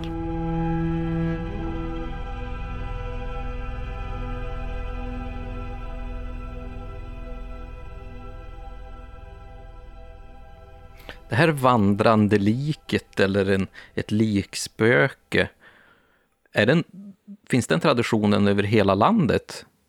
Och finns den även hos våra grannländer som ofta har liknande historier och sägner och berättelser och väsen, precis som vi har här i Sverige? Eh, oh ja, skulle jag svara på det. Absolut. Den här typen av föreställningar finns över hela Norden. Eh, alltså döda som går igen även i fysisk form. I Norge säger man ju, använder man ju fortfarande mycket av det här ordet draug. Alltså det är ju någonting också för drunknande oftast, som, som förlis i havet. Men det är, det är, den föreställningen finns kvar, den finns i Danmark, det finns, eh, ja, det finns ju varianter också i Finland på döda som går igen som i fysisk form. Så att eh, jo, det, det är vanligt i folktron. Vad är det egentligen, eh, kan du se skillnaden mellan dåtidens draug och den kanske mer moderna folktrons likspöken. Vad är det för skillnader? Vad har de för likheter? Jag ska säga den största skillnaden är åtminstone om man tänker sig de här fornnordiska innan kristendomen kom. Det är att eh, de har ju ingenting med att de vill ligga i vigd jord eller så att göra. att de behöver alltså den typen av saker uppklarade. Eh, det är ju gravhögar av en annan form. Det är inte att de behöver komma och, och läggas på, begravas på en kyrkogård eller få någonting läst över sig och sådana saker som ju är vanligare i, i yngre berättelser eftersom, av naturliga skäl, för att det är ju en kristen tid. Och den vanligaste formen är ju att, man, att prästen kan läsa bort dem eller att eh, eh man tar, gräver upp den här döda och sen flyttar man liket och lägger den i vigd jord så att den får liksom ro i, i graven. Det är liksom det ofta som är ett problem. Eller så är det saker och ting, och det kan ju för sig påminna om äldre tid också, att den döda vill, även om den är fysisk, att den vill ha någonting uppklarat, någonting ska eh, det kan handla om att de har gömt pengar eller någonting någonstans och deras efterlevande ska få, få dem. Jag menar, det här är ju långt innan det fanns bankväsen och sånt där. Man, man grävde och gömde ju verkligen undan pengar. Och, och, och, det är som om de har dött i förtid och kanske arvet måste liksom på något sätt fördelas. Och, eller om de blivit mördade så kanske det handlar bara om att mördaren ska få sitt straff. Att det ska upp, uppdagas liksom vad som har hänt. Eller det kan vara en hemlighet som har med helt andra saker att göra som de måste liksom berätta för de andra som liksom gnager på dem så att de inte får ro i sin grav. Men ja, annars ska jag säga det vanligaste är just det här med att de, de vill komma i en vigd jord. De vill liksom, ja, en riktig kristen begravning helt enkelt.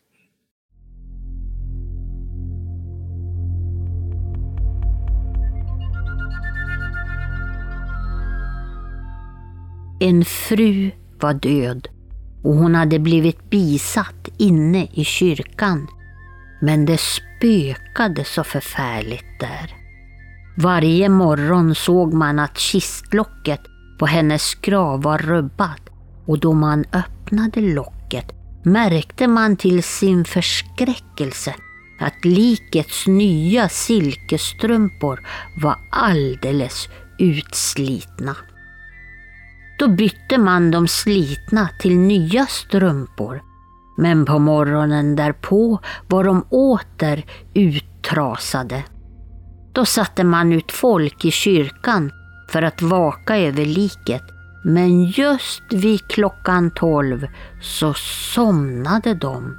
Och på morgonen var åter kistlocket rubbat och likets strumpor helt utslitna.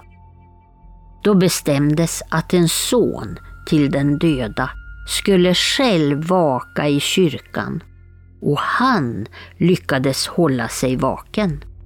När klockan slog tolv kom en hemsk man in genom kyrkporten, gick fram till kistan och tog av locket. Den döda frun steg upp ur likkistan och började dansa, en förfärlig dans med honom. När sonen såg detta ropade han Fru moder, Jesus Kristus ska uppväcka oss på den yttersta dagen, han och ingen annan. Då släppte den döde mannen taget. Frun la sig trött ner i likkistan och sedan fick hon äntligen ro i döden.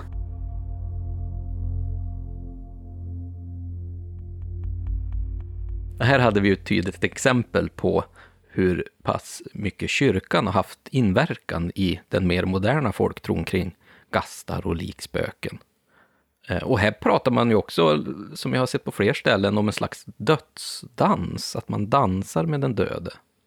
Ja, och det här är ett motiv som ju går tillbaka till medeltiden. Alltså föreställning med den döde som dansar med de andra. Det är, ibland så kan det vara Eh, alltså, det är, det är som en makaber dans där den döda för runt kroppen och ibland i skelettform och sådär. Det var faktiskt en, en fascination som kom för att avbilda döden och sånt där i samband med pestepidemierna. Alltså digerdöden och sånt där, att man började avbilda mer och mer döda personer även i kyrkmålningar och sånt där. Eh, som ju var ett direkt resultat av att döden var väldigt, väldigt närvarande under lång tid. Och det gäller ju även då sådana här exempel. Men jag tänker på något som vi inte riktigt har sagt här, att man måste sätta sig in i den här tidens eh, världsbild, så att säga. För att idag är vi ganska, för de flesta av oss, så pass lyckligt lottade att vi inte har sett så mycket lik överhuvudtaget i våra liv. Mm. Eh, och har vi gjort det så är det oftast förknippat med kanske en nära anhörigs eh, bortgång, förhoppningsvis en äldre då. Eh, och, eh, men så var det inte riktigt på den här tiden. Det var ganska vanligt att se lik. Alltså det var ju att det var en ganska lång process också som följer med en död person och många olika typer av ritualer som skulle följas. Man alltifrån att svepa och man skulle liksom, riket skulle stå, det skulle stå lik och sånt där också, det skulle stå framme ibland och visas för andra och ibland i kyrkan också. Så att det var liksom många sådana här, alltså många personer var, hade sett lik, eh, flera gånger till och med. Och det är inte så, och det har jag också undersökt och sådär, om man tittar, funderat över det, men det finns ju också såklart, det är ju lik, så jag menar, även om man har sett många lik så är fortfarande lik någonting skrämmande. Och särskilt efter nattens eh, intåg, så att säga, när det blir mörkt. Mm. Så många berättelser handlar ibland om vad som händer efter natten. och det, det är när den döde står, liksom, står lik, eller det kallas lite olika saker runt om i landet. Men, men när det står på alltså, likstrå kan man säga ibland på vissa håll, alltså när den står, eh, det, då, då, finns det en, också en tendens att den, ja, det är innan den riktiga, alltså den eh, gravlägges på riktigt. Så då finns det också en tendens att den kan vara aktiv nattetid. En, en viss, och det fanns en rädsla kring det också. Det finns en del beskrivningar för folk som är eh, likrädda då på grund av efter nattens inbrott. Mm. Och det, ska väl, det känns väl ganska naturligt, och för oss idag i modern tid att tänka sig detta. Alltså, man vill inte gärna kanske vara kvar i en kyrka med där det står lik och stirrar på en. Du nämnde ju här just att man eh, var rädd för natten, men var det några speciella tider på kanske på dagen eller på dygnet eller runt året överlag som man skulle akta sig främst för de här typerna av, av hemska varelser? Ja, det, det, och det här faktiskt, det, det, infaller ju i samma typer av tankemönster som resten av folktrons väsen. Så den här mm. tiden på året, eh, just nu inte minst, eh, här vintertiden från Lucia fram till eh, to Tomasdagen den 21 december, så är det ju liksom, tidigare var ju Lucia den, den längsta natten på året. Folk, sen, sen det en kalenderreform 1753, som gjorde att det förflyttades till Thomas den 21. Eh, och det här infaller ju också med midvintersolståndet och sådär. Även långt senare så levde det kvar en slags dubbla kalendrar för folk att följa. Det dels har det ju de som staten så att säga har, har fäst, sagt nu flyttar vi, det här är, det här, nu är det den längsta natten den 21. Men man vet ju också om att de, nej, de gamla har ju sagt att det är eh, Lucia. Så de här föreställningarna levde kvar. Och det är fortfarande mörkt under hela tiden. Så det var liksom dubbla Eh, så att man har en väldigt lång tid här av. Och den här tiden är också förknippad med mycket eh, aktivitet från de övernaturliga, inklusive de döda. Och sen när vi kommer in till julen och så, så har vi ju även någonting som kallas för den dödas julotta, som vi kan prata lite grann om lite senare. Men men också, så annars har det tider på året, har jag också ihop med påsken ibland. Alltså hela den här tiden när Jesus så att säga tänktes hänga på korset, och vi har ju skärtorsdag och sånt där, när häxorna var, tänktes vara eh, aktiva, så är det också sådana här tider alla möjliga oknytt och, och väsen, var, inklusive de döda, var aktiva. Och det här gällde ju tills Jesus då tänktes återuppstå igen, så då fick de så att säga fritt utrymme och härja, härja ett tag där. Eh, så att, eh, det var extra farlig tid. Och ibland är även den här eh, övergångstider som midsommar också en ganska kraftladdad tid där de döda också kan vara och andra väsen mer aktiva än vid andra tillfällen. Men annars, om du pratar rent generellt, det som gäller året runt, det är ju natten. Man pratar ju fortfarande om spöktimman, eh, midnatt mellan 12 och 1. Och det finns ganska ofta omnämnt även i, i, eh, i folktro, alltså i äldre såna här uppteckningar och sådär. Det är ju liksom Förmodligen är det den här gränsen när natt övergår till dag, alltså det är någon slags mellanperiod där mm. som är liksom farlig när de, har den här tiden. Sen är det många idag som kanske förlägger den här tiden senare eller så, men mellan 12 och 1 brukar den här klassiska extra farliga teman infalla.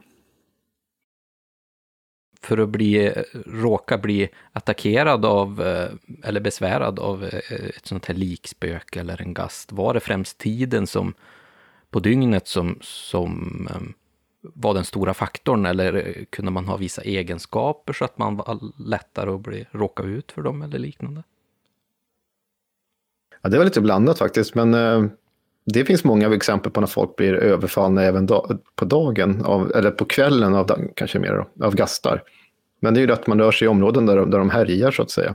Gastarna ibland tänktes ju härja i grupper till och med så att de kunde jag sa ju det förut med gastbackar och sånt där, så att det, mm. ibland tänktes de synas och höras. Och det är ju de här skriken också som, som ingår i ordet att gasta. Eh, så att, eh, jo, nej, jag, jag tror att det var olika personer, men det är klart, desto mer from och kristen du var, så att säga, det kanske mera skyddad är du också i, i den här tänken, föreställningsvärlden än, än andra.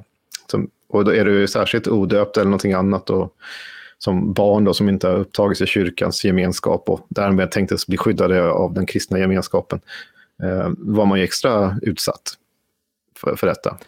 Men å andra sidan, det här är också en föreställning som vi kanske, nu har vi tryckt ganska mycket på i det här avsnittet, de här farliga som verkligen går på människor, och inte minst i fornnordisk tid. Men det man kan säga, när jag skrev min artikel om det här så fick man faktiskt leta för att hitta det var ju ganska, man läste jättemycket om gengångare av olika slag. får man ju verkligen leta innan man hittar de som verkligen angriper folk mer handgripligen. För de är oftast inte så intresserade av att, att, att, att, att attackera och bråka med människor. Utan de har ju, ibland ser man gastar som slåss med varandra, ibland är det liksom andra saker. Och oftast är det just att de har någonting uppklarat. Det är inte den här Hollywood-skräckfilms-gengångarna vi pratar om, utan det här är ju mm. någonting annat. De finns där och de vill få någonting, eh, de vill, vill visa på någonting helt enkelt.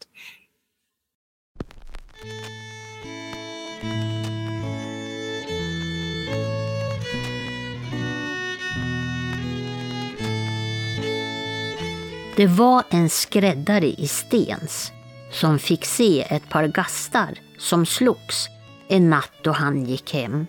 Han blev så rädd så han kröp in i ett ihåligt träd och gömde sig. När han hade gömt sig där en stund så kom den ene gasten till honom. Såg du, Mikael i skrumpen, hur jag kindputsade honom? Han kallade skräddaren för Mikael i skrumpen. Ja, det såg jag, sa skräddaren. Men jag tyckte du fick det sista slaget. Då bar det iväg med gasten. Han skulle ge sig på sin kamrat igen. Och skräddaren, han sprang hem. Han sa väl det där för han skulle slippa lös, kan man tänka.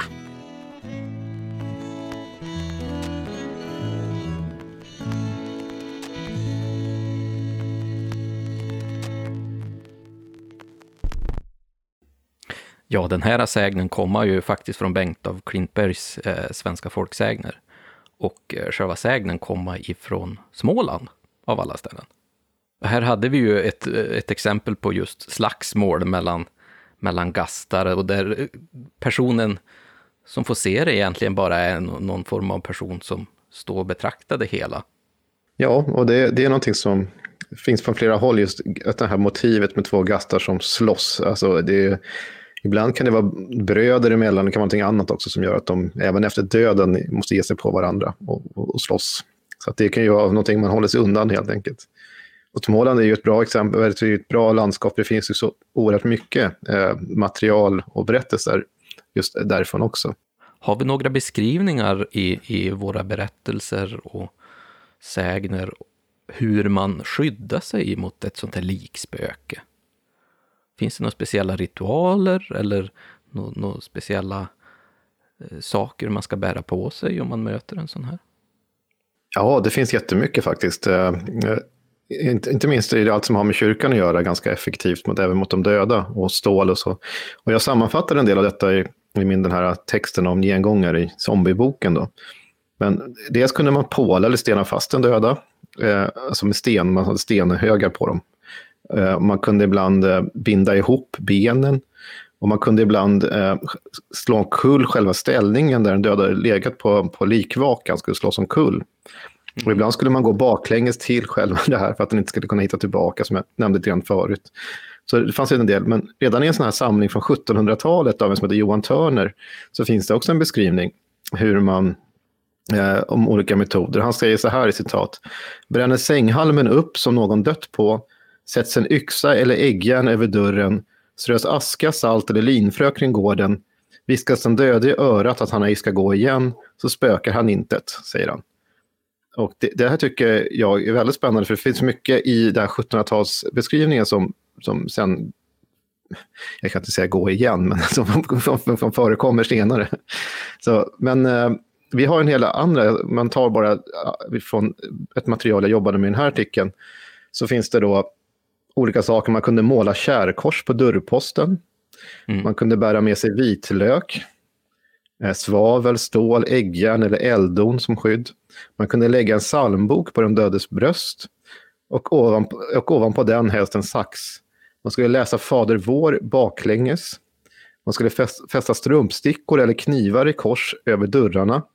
Man skulle kunna knyta ihop stortårna på liket.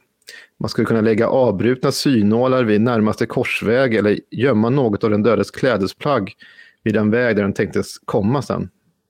Eh, man kunde lägga eldkol mellan skjortan och kroppen. Man kunde sätta stål i grinden, dra upp en cirkel och ställa sig i den som skulle då tänkas ge skydd.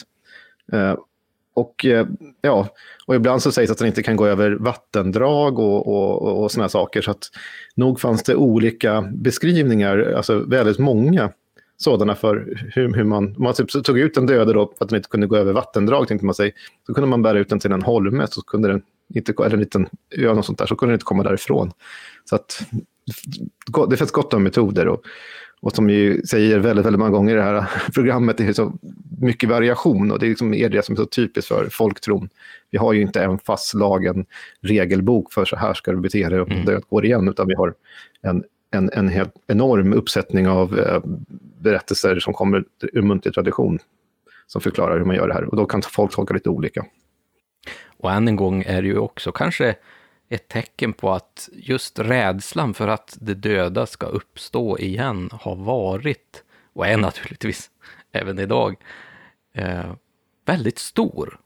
Just det här att de som är döda ska vara döda. Eh, de, de har ingenting här att, att göra så att säga. Eh, det levandes värld är för de levande och det döda ska, ska vara död. Och vi har ju alltid det här föreställningen, det är alltid så här, gränser är så himla viktiga för människor. Alltså gräns mellan liv och död och med olika årstider och dag och natt och vad man tänker sig. Och det döda, det liksom är en färsk död så att säga, befinner sig i någon slags liminalt tillstånd, det är som någon slags mittemellan tillstånd. Vi vet att den är död, en person. Men det är ändå inte, den är ändå inte alltså, Eh, då begravd eller sådär Man ska ta ett farväl och allting. Det är en slags övergångsperiod där som är laddad med så mycket känslor och annat som finns knutet till, till det här föreställningskomplexet. Så jag, jag tror det har alltid som spelat in, skulle jag tro, i, i föreställningen om döden. Och i detta, jag menar, om jag tar en egen personlig eh, erfarenhet av detta med, eh, med min far som jag begravde för ganska många år sedan. Men det är också den här känslan av att se den döda kroppen, att rädslan att röra den döda kroppen som, mm. som, som ju är annorlunda. Man känner igen att det är rätt, det är rätt persons hand, men den är ändå, det är ändå skrämmande att röra vid den, så att säga. Så att det, det, är, det är någonting som är liksom mittemellan eh, stadier där som, ja, och just de här tankarna ska finnas att om personen börjar röra sig igen och sånt där. Jag säger inte att jag har det sådana, men det, det, finns. Jag tror att det är ganska naturligt att man tänker sig ändå att, den, att det finns en, en idé, för att det var inte så länge sedan den här personen rörde sig och andades och, och betedde sig som vanligt. Men, och, och, och då finns det också, tänk om den reser sig upp och gör det igen, kommer det vara samma person?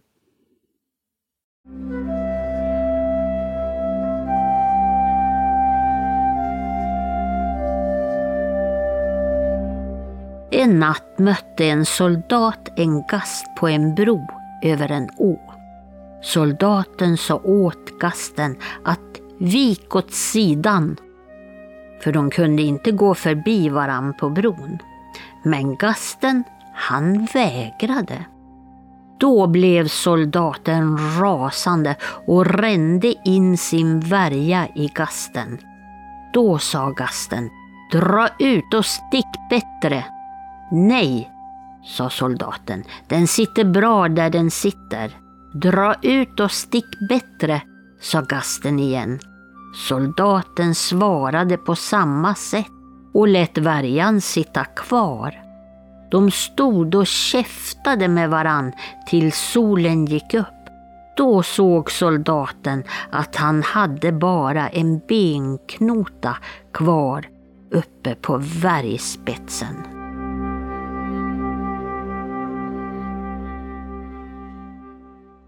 Ja, här hade vi en riktigt tjurig soldat ifrån Östergötland som, som vägrade dra ur den där värjan. Eh, utan han stod kvar där och höll kvar gasten. Och det intressanta med den här är ju att det finns ju, jag har läst också om personer som menar sig ha haft kvar, har sådana här kotor och så, och så, så traderas den här berättelsen inom familjen att om det går tillbaka, det är ju en sägentyp som ju, finns ju berättat på olika platser. Men då menar de att mm. ja, men det, är faktiskt den här uh, förfadern eller anfadern som har gjort just detta. Och så visar man upp den här kotan som ett bevis på det. Vi har ju fått några exempel idag på att döda liksom uppträder i sällskap. Men har vi några bra exempel på det? Ja, det, det finns ju en del olika, för, alltså när de döda kan, alltifrån den här sägen-typen, att de döda ligger och vilar i ett berg och sen eh, som någon slags, när det är katastrof för landet så ska de välla ut då som en, som en armé. Lite grann som i, i Sagan om ringen, tolken igen. Men det, en annan sak som är vanligare det är att föreställningar om likprocessioner, alltså likföljen som kan gå på vägarna. Och då gäller det att akta sig. Och ibland kanske man inte ser dem. Ibland, och de är fysiska ändå, för att om man kom, de kommer åt en så kan det gå väldigt, väldigt illa för en. Eller man kan knuffas ur vägen och sånt där. Det, det finns då en berättelse från Gästrikland som jag tycker illustrerar det här just ganska väl. Och den lyder så här. Min morfar och en kamrat till honom var på väg hem en kväll. Plötsligt ryckte morfar kamraten hårt åt sidan. Kamraten blev arg och frågade varför han gjorde så där. Morfar sa ingenting då. Men hemkommen frågade morfar om han inte såg likföljet. Nej, det hade han inte. Du höll ju på att bli nedtrampad av hästarna, sa morfar till honom. Hade jag inte ryckt dig åt sidan kunde det ha gått dig illa. Någon dag innan hade morfar sett fegljus, alltså just som, vis, som, vis, som visar sig innan någon ska dö, över granngården, där Andersson med maka bodde. Samma kväll som, som, som du hade sett likskaran dog fru Andersson. Så, så, så, i den här berättelsen så är det alltså hon som blir tagen med de döda som kommer mot dem. Så det, mm. det tycker jag är en ganska, ganska fin illustration. Och just när vi pratar om det här med följen av döda som går, så kanske vi börjar tänka på nästa tema i det här programmet. Ja, det är ju så här att eh, vi har ju sagt att vi ska prata om just zombien och vi har nämnt zombien lite tidigare här. Eh, och när man tänker på själva zombie så kanske man först har den här bilden som vi får ifrån populärkulturen, ifrån filmer och ifrån serietidningar och liknande. Men vad är det egentligen som utmärker en zombie? Ja, alltså zombien, det, det man ska tänka sig det är det här äh, från Västindien då, alltså äh, i, i det motsvarande voodoo-traditionen då, alltså det är en äh, en som återuppväcker en, en död. Och den kan ju kallas för olika saker, som zombie eller något sånt där liknande. Och det är alltså en, en slags slav som lyder under den här motsvarande trollkaren då, som eh, har väckt den till, till liv för att utföra diverse sysslor åt, åt den här personen. Så att egentligen, det ursprungliga är en död som är återuppväckt eh, för att, alltså åt en sån här eh, voodoo-präst, eller vad man ska kalla det för, en, en, en troll, trollkarl, skulle jag kanske bättre på svenska.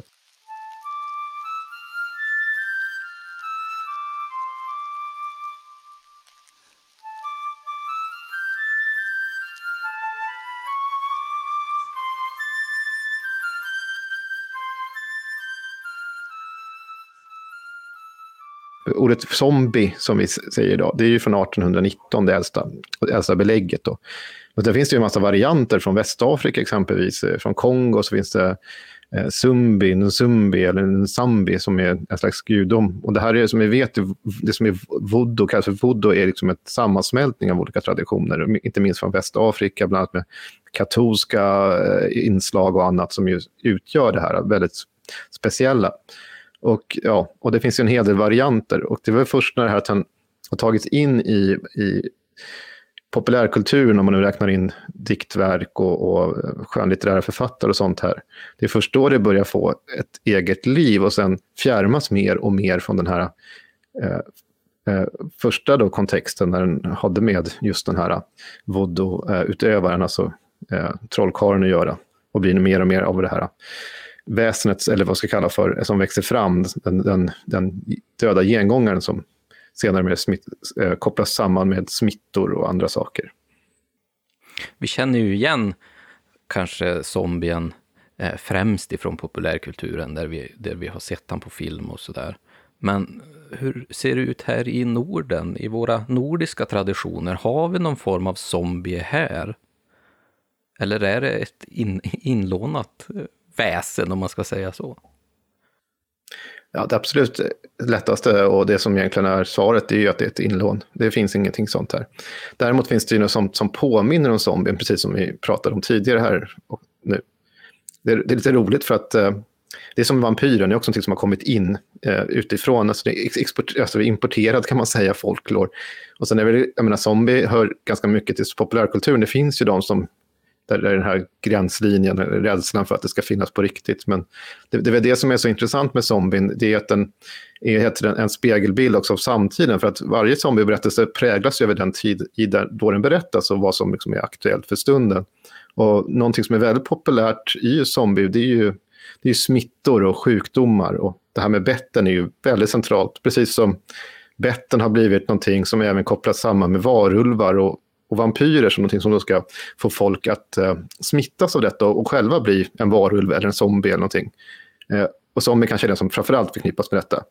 Men inget av detta finns i folkloren, alltså i äldre tid. In, varken med varulvar eller med den då motsvarande zombieslaven då, som går under en trollkarl. Och inte heller, inte heller egentligen med vampyrer, utan det är väl andra faktorer som ligger bakom. Vampyrer som sagt inte heller något som har funnits här. Sen finns det ju faktiskt eh, lite varianter. Och när vi ändå pratar här innan vi kommer in på eh, mera, det är ju att det finns ju en norsk serie som heter Zombie-Lars. Jag tror det är Lars, att det finns en norsk. Zombie finns i Norge. Det skulle jag vilja kalla mig på, på måndag morgon. Det är, det är en Zombie-Lars. Det är Zombie-Lars, ja, det, det är måndag morgon. Innan kaffet.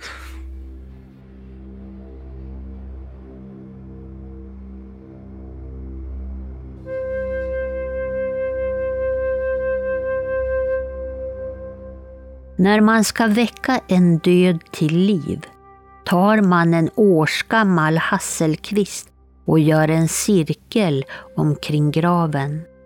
Man tar och upp mull från graven tre gånger i den vänstra handen. Sedan säger man Jag manar dig du döda lekamen med din anda vid Kristi kors Jungfru Marias börd och de heliga evangelisters och apostlars gång, att du står upp och möter mig här på detta ställe innan tolvtiden. Då frågar jag dig hemligen och besvär jag dig att du ej löper utom denna cirkel, ej heller till minsta huvudhår skadar, i heliga trefaldighetens namn och Marias börd och de heliga evangelisters och apostlars gång. Amen. Slutligen skriver man de magiska tecknen på cirkeln runt graven och sätter ner hasselkvisten. Därefter ska man gå tre steg utanför cirkeln.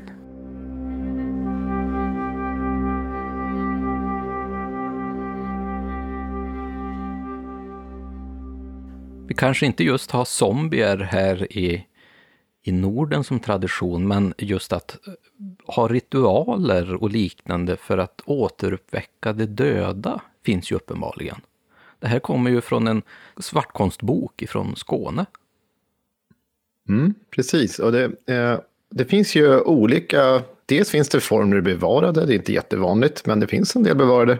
Och sen finns det beskrivningar även av trollkarlar som vi faktiskt väcker upp med, med eller eh, för frivilligt eller ofrivilligt. Ibland är det någon som är lite lat, en dräng som får tag i en sån här svartkonstbok och läser upp och kan återuppväcka de döda, så de utför sysslorna åt, åt honom. Och ibland är det till och med en prästlärling som gör detta och sådär. Och, och det påminner ganska mycket. Och då är de döda där och arbetar på fälten och sånt där. Så det, det, det påminner en hel del om eh, original, den första äldre föreställningen från Haiti och Västindien då, om zombier. Men jag tänker på en annan berättelse från Ångermanland som är lite rolig. Eller rolig? Det, det, ja, jag tycker det är spännande. Från Stigsjö. Och det är en trollkarl som sägs ha, ha haft övre halvan av en självspillingskropp i ett skåp inne i sin kammare. Och den här ska ha förhört sig om diverse ting med. Så att man, man får liksom en ganska grafisk bild i sitt, sitt sinne av den här. Han öppnar upp skåpet där och förhör en döde. Lite grann som Oden gör med sin, sitt huvudmimer där. Mm. Och sen finns det ju annat berättas från finskbygderna i Norrbotten att, uh, att en urgammal sed i ödemarken då att eh, de trolldomskunniga och nojderna kunde bruka gravmull och kalla döda och skicka ut kyrkogårdsfolket, alltså de döda, eh, och plåga andra med liksom, att sätta jävlar på folk och allt möjligt. För ibland, just nojderna och sånt där som det beskrivs, kunde vara strider ibland mellan stora nojder från olika områden i de här finskbygderna. Eller också i, även i Tornedalen, med meänkielitalare, så var det också eh, den här typen av eh, trolldomskunniga som kunde skicka döda på varandra. Eller björnar som vi hörde om i tidigare avsnitt. Och vem är då egentligen inte bättre att prata om hur man överlever en zombieapokalyps än en person som både skriver och föreläser och han har även hållit ett väldigt uppskattat eh, sommarprat om just hur man överlever apokalypsen, överlever en katastrof. Och det är ju så här att Hermann Geijer, som har skrivit både zombieöverlevnad och den här nya boken Zombier, zombier, zombier, eh, som du har medverkat i, ska ge oss lite insikt och förklaring till zombieapokalypsen och zombiens plats i populärkulturen.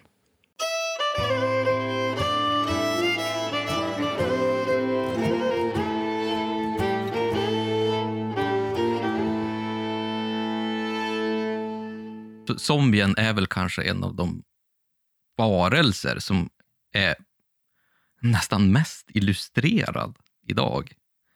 Eh, både inom film och tv och konst och, och, liknande. Men vad är egentligen en zombie för dig? Va, va, vad tänker du på när du hör ordet zombie? Ja, det var en väldigt bra fråga. Det har jag inte behövt ställa mig på väldigt länge. Men det är många saker som kommer upp. Jag tänker kanske framför allt det visuella. Alltså det här ruttnande köttet och liksom den hasande gången. Det här. De bild, alltså det är ju väldigt starkt visuellt. Eh, zombie. Och det tror jag är en del till att den är så attraktiv och att den går hem så bra.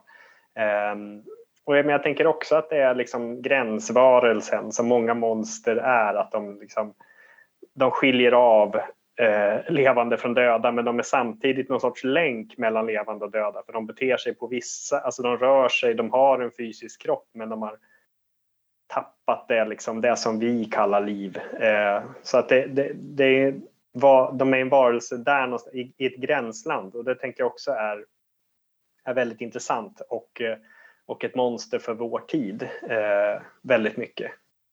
Kanske särskilt just eftersom det finns mycket apokalyptiska kopplingar till zombien. Alltså det hela världen går under och det är något, någonting som vi är rädda för idag. Eller det är den typen av monster som, som kanske går hem bra, som bara väller fram, som vi inte kan eh, liksom, göra någonting åt utan vi måste bara hantera situationen som den, som den är. Det är väldigt svårt att lösa problemet att de döda reser sig eh, i zombiekulturen. Men eftersom zombierna inte kommer en och en. Jag tänker att i, i liksom nordisk folktro så där, så fin, alltså där går det ju kanske att, att göra någon ritual för att, få, eh, för att stoppa den här zombien. Men när det är liksom hundratals, tusentals, det, det går inte att, att få stopp på det.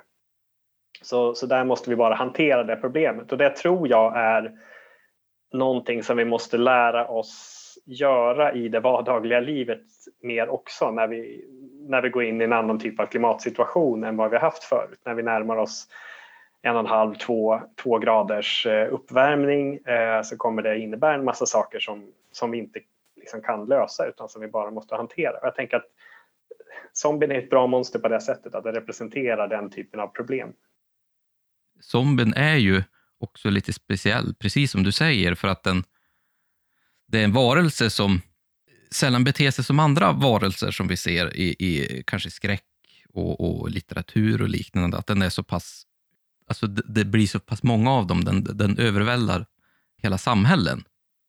Vilket kanske andra eh, väsen som vampyrer och liknande inte gör, utan zombien eh, är en riktig samhällsvara Ja men precis, det, det går inte att bara att flytta iväg någon annanstans och hoppas att den här eh, varelsen eh, är, ja, in, inte kommer efter. Zombien är inte bunden till platser eh, riktigt, eller det finns ju zombies som gör det också. Och, och eh, Draugen tror jag till exempel är väl mer bunden till plats och även nazizombien är också ofta bunden till platser. Men, men eh, att det, det, är mer liksom, det finns överallt. Det är inte bara ett ställe som är drabbat utan det, det, det blir en, en global pandemi. Det är också aktuellt.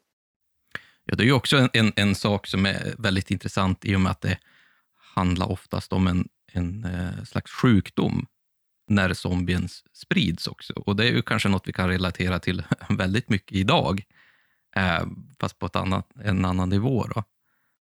Ja, men det gör ju också att andra människor är på något sätt en fara. Vi vet inte liksom hur, vem som är smittad. Vi vet inte om någon är biten och gömmer det. Liksom, eller, eller att i de här scenarierna där, där alla som dör vaknar upp igen. Att det inte är själva zombiebettet som är smittsamt utan det är någonting i hela världen.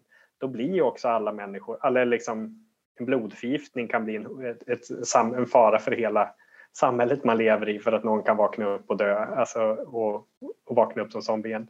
Så att det, det blir ju en, en massa andra bekymmer kring det här eh, som, som andra katastrofer inte dras med kanske. Då kan man ju fråga sig lite grann, varför tror du att det har blivit en så populär varelse inom populärkulturen? Jag tror att det handlar om det, att det just speglar rädslor som faktiskt finns just nu. Eh, monster varierar ju popularitet och zombien till exempel var ju tvärdöd, om man får använda det, det, det begreppet, under 90-talet. Det hände ju nästan ingenting i zombiegenren då.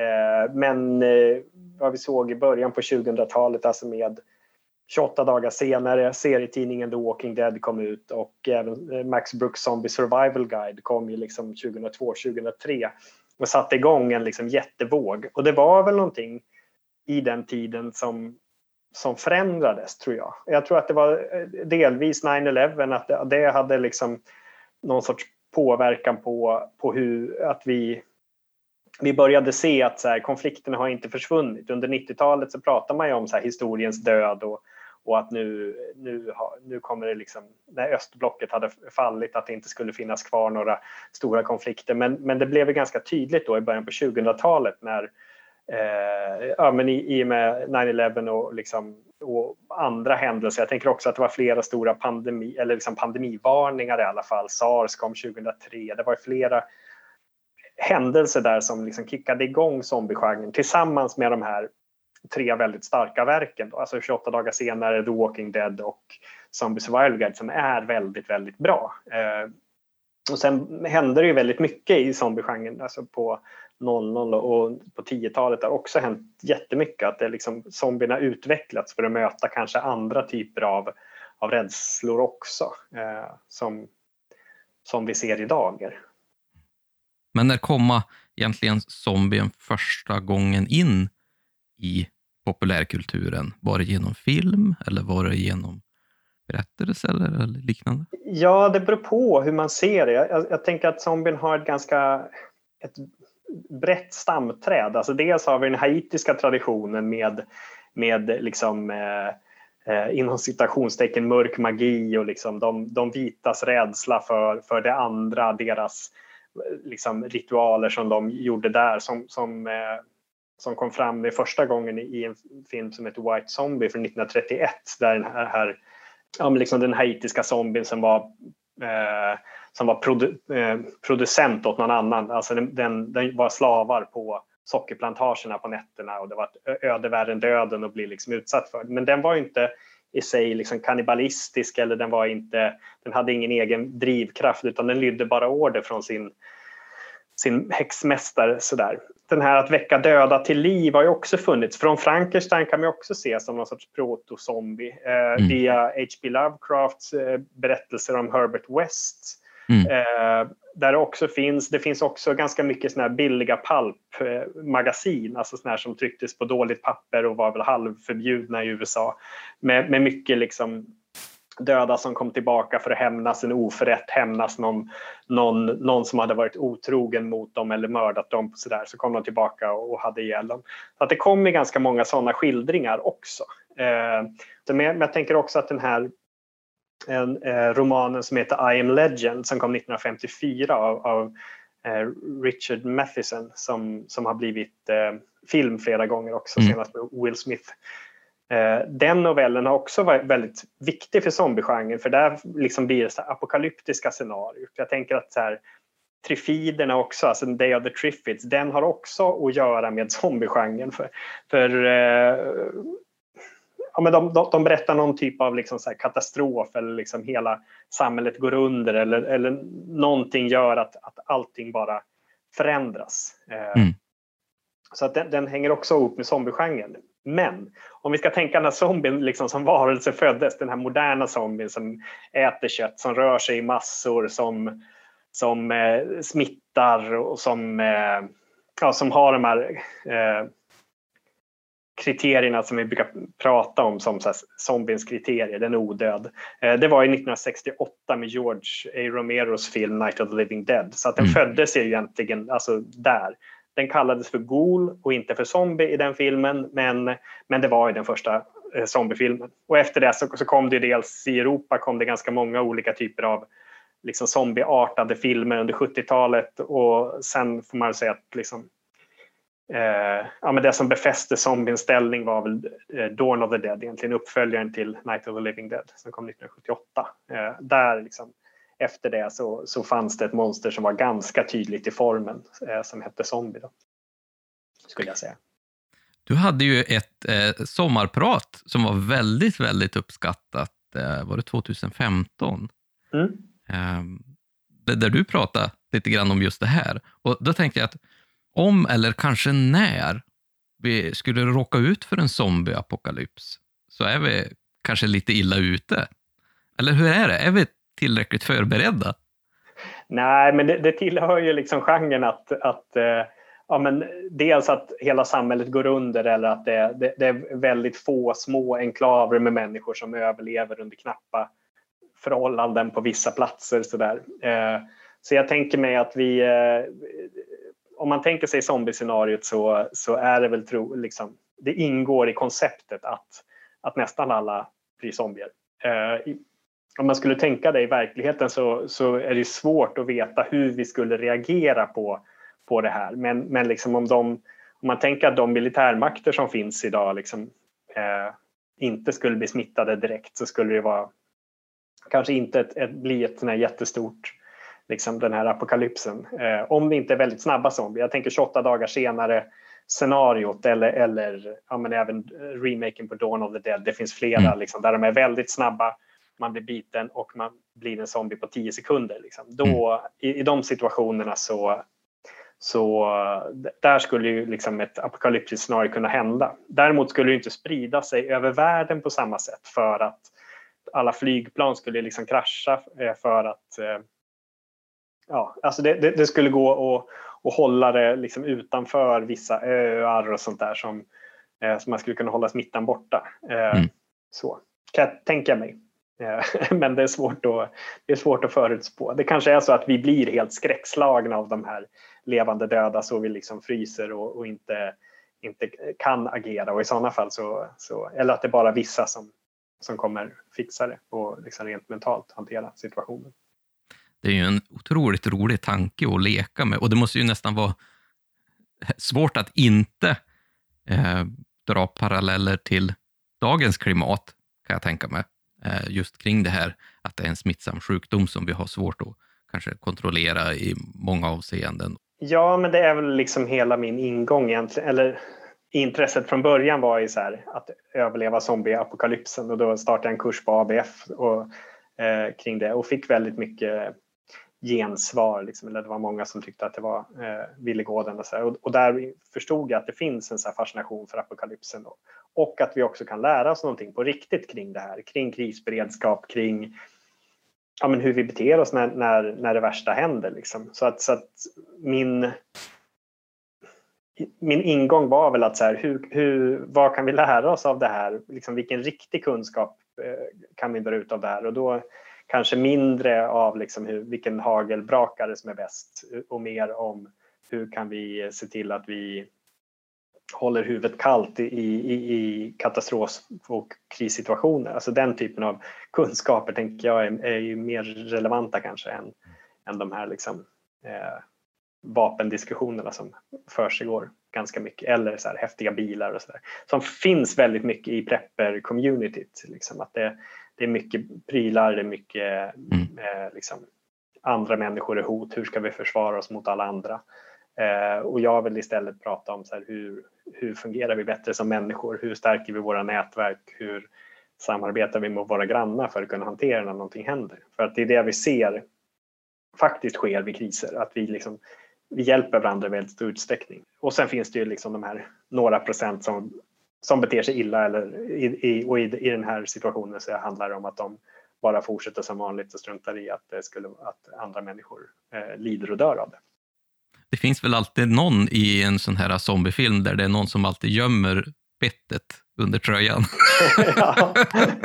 Man kanske skulle formulera det så, så här, vill, vill, vem vill du vara i, i den här katastrofen? Liksom, vem, vem är du i zombiefilmen? Är du den som gömmer bettet? Och, eller är du den som, som säger att så här, ja, ja, ja, men det, det är en bra liknelse tror jag. Det kanske är mer så vi behöver kommunicera hur man ska bete sig på ett bra sätt. Vem, mm. vem man vill vara i en krissituation den här zombieapokalypsen, eller apokalypser överlag, är ju väldigt fascinerande för att det säger väldigt mycket om, mycket om människans beteende och hur beteendet förändras i en krissituation. Alltså alla, nästan alla religioner eller liksom kulturer har ju någon form av apokalyptisk berättelse. Alltså att världen tar slut. Det, man, man rör sig framåt till en punkt och, och, där liksom kraschar allting. Ofta så är det liksom ett bättre samhälle som kommer efter, eller någonting mer högre stående. Men, men hur mycket inflytande de här idéerna har handlar, eller liksom spelar väldigt stor roll i hur samhället mår just då. Alltså, mm. Ju räddare vi är, osäkrare vi är för framtiden, för vad som komma skall, desto mer genomslag får får apokalyptiska berättelser. Och, och, och, det kan man se att det är liksom en vågrörelse under, under när det var som värst med liksom kalla kriget och hotet om kärnvapen, då frodades de här berättelserna också. Och nu när det liksom är klimatförändringar och det är liksom en allmän osäkerhet åt vilket håll världen är på väg överhuvudtaget, då är det också den typen av både berättelser som är det mest populära. Jag, jag tänker alltså tittar man på Netflix eller valfri liksom streamingtjänst så finns det ju liksom tio, hundratals liksom nya eh, sådana skildringar som kommer hela tiden om mm. apokalypser eller zombier. Filmens värld och, och tvs värld har ju illustrerat just den här apokalypsen, zombieapokalypsen, eh, under många, många år. Tror du att den kommer att förändras? Ja, men det tycker jag. Alltså, om man ska prata om, walk, jag tänker att man kan prata om Walking Dead här, eh, mm. serietidningen mm. framför allt då, eller, men även tv-serien i viss mån. Där händer ju, händer ju saker. Att det handlar om i början från liksom det här bara så här, okay, nu ska vi överleva dag för dag. Man börjar tänka så okej, okay, här skulle vi kunna kanske vara kvar, men det blir alltid raserat. Liksom, att det, det blir, det, det, är en, eh, en kaotisk situation där det handlar om att bara liksom överleva i väldigt stor utsträckning och, och försöka hitta någon sorts vardag i det här eh, obegreppbara eh, tillståndet som de har hamnat i. Till att på senare år bli mer så här, hur bygger vi upp eh, gemensamma strukturer? Hur bygger vi upp städer som fungerar? Hur gör vi handelsförbindelser? Hur, hur styr vi om zombierna? Så att det, blir en, det blir en stark... Den handlar väldigt mycket om organisering egentligen. Att göra saker tillsammans. Hur får vi ett samhälle att fungera? Och Rick Grimes då i, serietidningen säger vid något tillfälle så där, liksom att jag har jag har tänkt att så här, det viktigaste av allt är bara att vi i familjen ska överleva. Det är det som jag har sett som den stora grejen. Men vad som spelar roll, det är ju liksom community, alltså gemenskaper, de lokala gemenskaperna. Det, det, är där på något sätt framtiden ligger. Det är där vi kan, kan, kan, eh, kan må bra i, i långa loppet. Att det handlar inte bara om sin egen, den egna familjen utan att vi, vi behöver andra. Hur ser du egentligen på de odödas framtid inom populärkulturen? Jag har ju följt de odöda zombierna ganska nära nu i liksom runt tio år. Och det har varit flera tillfällen där jag känt så här, ah, ja men nu måste det här nu, nu kan det inte komma något mer. Nu, nu måste det här börja ebba, ebba ut. Liksom. Men jag ser inga tecken på det utan det, det kommer nya bra filmer, zombiegenren utvecklas, det kommer liksom eh, det kommer nya former av zombier, eh, det kommer nya genrer med zombier. Sydkorea har en otroligt levande zombieflora eh, liksom, just nu. Det finns ja, men Train to Busan, har kommit en, en, en tvåa på den. En uppföljare och så finns det en tv-serie som heter The Kingdom som är helt mm. fantastisk mm. som utspelar sig på ju... 1700-talet som är som en Game of Thrones möter Walking Dead. Mm. Eh, otroligt bra liksom. Eh, så jag, jag, jag, tänker att det, det händer mycket roliga saker. Sen kommer det jättemycket skräp också som jag tyvärr fortsätter måste, måste liksom kolla in eh, eftersom jag ska försöka ha någon sorts helhetsbild av zombiegenren. Men, men, men det händer mycket och, och, och, jag ser inte att den är på väg att dö men kanske att den blir mer mångfacetterad, att det liksom utvecklas i olika genrer. Men, men den har ätit sig in i, i mainstreamkulturen skulle jag säga så att den inte är, det är liksom inget subkulturellt längre. Jag tänker jag har barn som så här är sex år och, han, liksom, han, han har zombier i Minecraft och det finns böcker om Minecraft-zombier liksom, som mm. jag kan högläsa för honom och sådär. Så att det, det, det, finns, ja, det finns även hopp för kommande generationers eh, överlevnad. Varför tror du att just liksom, vandrande döda, eh, odöda varelser är en så kittlande tanke? Var, varför, varför är det så spännande? Det handlar väl lite om att så här, vi, vi skapar ju monster hela tiden och monster kommer hela tiden tillbaka till sin skapare och frågar varför gjorde det oss? Men i det här fallet så är det liksom så, så kommer den tillbaka för, för att bita oss för våra synder på något sätt. Liksom, eller för att vi, vi, vi är människor. Men jag, jag, tänker att den, den här fysiska kroppen som inte går att resonera med, det här eh, det liksom naturkraften som väller fram stämmer väldigt bra överens med, med våra rädslor som finns i samhället. Som jag in lite på. Eh, och, sen, och sen just den estetiska biten också som jag eh, också tog upp. Att, att det, det, är starkt att titta på. Det är ganska lätt att liksom klä ut sig till zombie själv också. Eller, eller det går att göra lätt i alla fall. Sen kan man ju jätteavancerade saker. Så att jag, jag tror att det representerar bra rädslor. Sen är vi, det finns ju en, alltså, vi vill inte dö. och, och, och, och, vi vill inte vara de här som, som, som, som dör och kommer tillbaka liksom och, och försöker slita sina nära och kära i stycken för att de inte... Ja, en zombie har ingen... De kan inte tänka eller liksom urskilja vem de ska, ska attackera. Och det finns väl en, så här, en vanlig mardröm att bli jagad av zombier. Liksom. Och, och, och, inte då, och då är ju det här obehagliga i att vi, vi blir jagade och det går långsamt. Men den mm. slutar aldrig komma. Mm. Den liksom, jag kan springa ifrån den. Men den kommer. Den kommer tillbaka. Någon gång måste jag sova, mm. det behöver inte den.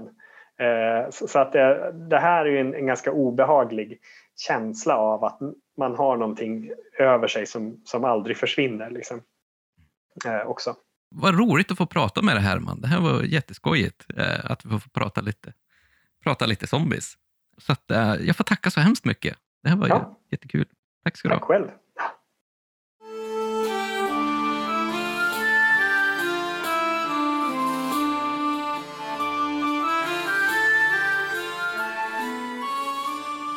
Det är så oerhört fascinerande att höra en sån kunnig person om zombier eh, förklara på, på ett så pass intressant och medryckande sätt som Herman gör här. Eh, att, eh, och, och det, det, är ju sant, det är ju sant att zombien har verkligen kommit och greppat tag om oss i, på, på ett sätt som... Ja, jag menar, han, han berättar ju också om hur, hur den liksom går i vågor, det här zombieintresset och sådär. Så att, eh, men, det, men det säger ju hela tiden så mycket om oss själva, även i...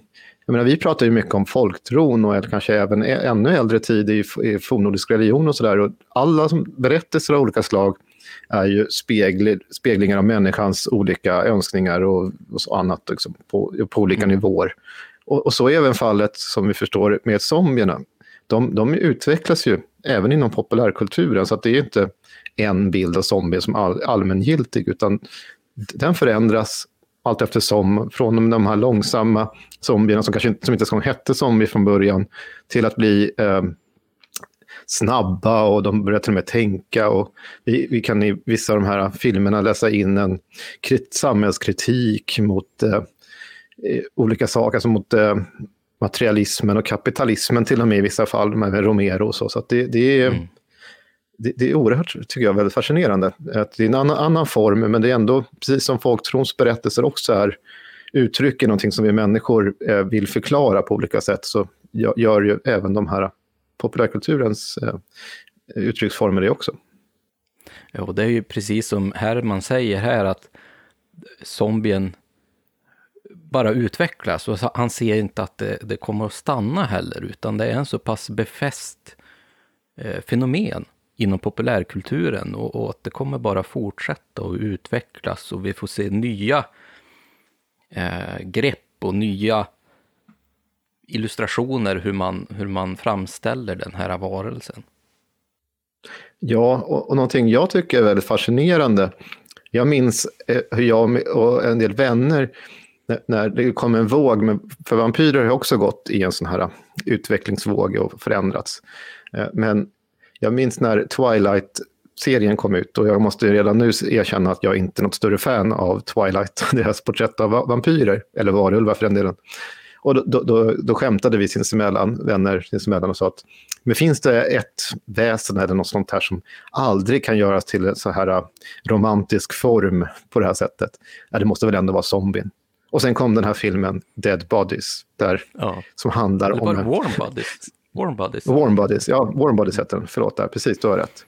Och hur en eh, zombie blir förälskad i en flicka och, och vice versa. Och då ska få sitt hjärta att börja slå igen. Och då var det så här, nej, nu, är botten nådd, tänkte, tänkte vi. Nu går det inte, nu finns det inget, inget som är heligt inom den här skräckvärlden kvar. Men det ser vi också inom den klassiska folktron, att vi har en förmåga att förgulliga till slut. Eh, och försköna det som var och är väldigt fruktansvärt och väldigt hemska saker. Vi, vi, vi vill gärna att det ska vara lite finare, lite mysigare. Men just att um, um, sympatisera med, med, med en zombie är ju lite speciellt. Ja, och så finns det en annan, den här serien som också går eh, som handlar om en zombie, en tjejzombie då, som ser ganska ut som en vanlig person, men som ju ändå är en död. En zombie egentligen. Och som jag sa förut, den zombie-Lars, det är också faktiskt en, en pojke som är zombie, men blir lite mobbad av de andra på grund av liksom, han, är, han är en zombie, men eh, ser inte riktigt ut som vi föreställer oss. Inte ett ruttnande lik i alla fall. Och det, det är väl förutsättningen i och för sig för att man ska överhuvudtaget kunna förmänskliga zombien igen. Alltså det måste ju på något sätt då ta, måste ta ifrån den här rutt ruttna formen som den, som den har i, i populärkulturen oftast, som ett ruttet lik. Den här fascinationen för de odöda och döden överlag är ju väldigt intressant. Och som även ofta är kopplad till liksom smittor och liknande. Det har vi ju sett och haft några exempel i, i den klassiska folktron och även långt tillbaka till de gamla isländska sagorna. Liksom det, det är intressant att se att döden är så nära på något sätt i folkmedvetandet. Ja, och, och döden den både skrämmer och fascinerar oss. Det, det, är väl främst det. Det är någonting ogreppbart kring det, någonting som vi inte riktigt kan förstå. Och nära knutet till mycket av det vi har tagit upp här är ju, det är ju inte direkt, alltså mycket av det här berättat om, visst kan man se det som delvis som underhållande berättelser, men många av dem har nog inte berättats primärt som det, utan det, är ju, det, är, det finns ju en inbakat i flera av dem en viss form av skräck. Jag menar det här mm. isländska exemplen vi, vi tog upp tidigt i det här programmet, det, det är ju det är ganska fasansfulla beskrivningar. Jag menar, det, det, är ju som en slags skräckberättelser som berättas eh, om, mm. om, om liksom, både samtiden och eh, miljön runt om. Vad som kan hända om en död får härja i om, området. Så att, jag menar, och det, det, finns inbakat i mycket av de här, även i folktron så är det ju en hel del som är Eh, rädslor av olika slag som vi, vi också kan utläsa ur en hel del både sägner och även sånt som kallas för memorat och eh, trosutsagor och olika typer av berättelseformer. Så, så, så, kan vi uppleva det här att det är natt och det är mörkt och det är saker vi inte begriper oss på. Det finns någon farlighet runt om som inte liksom, vi kan kontrollera alltid som gör att det blir lite kusligt och, och kalla kårar. Det som är väldigt spännande med just zombien är ju att den eh, uppkommer ofta genom smittsamma sjukdomar och det finns ju en skräck i det också som är ganska primal. Just rädslan för sjukdomar och smittspridning.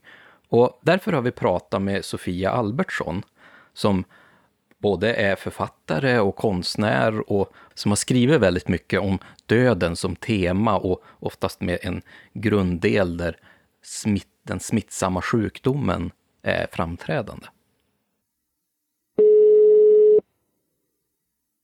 Ja, det är Sofia. Hej Sofia, det är Lars Wahlström på Oknytt. Hallå. Hallå, hallå. Vad ser du är största utmaningen med att skildra döden som författare? Mm. Just i skräcken går det ju att skildra den på väldigt många olika sätt.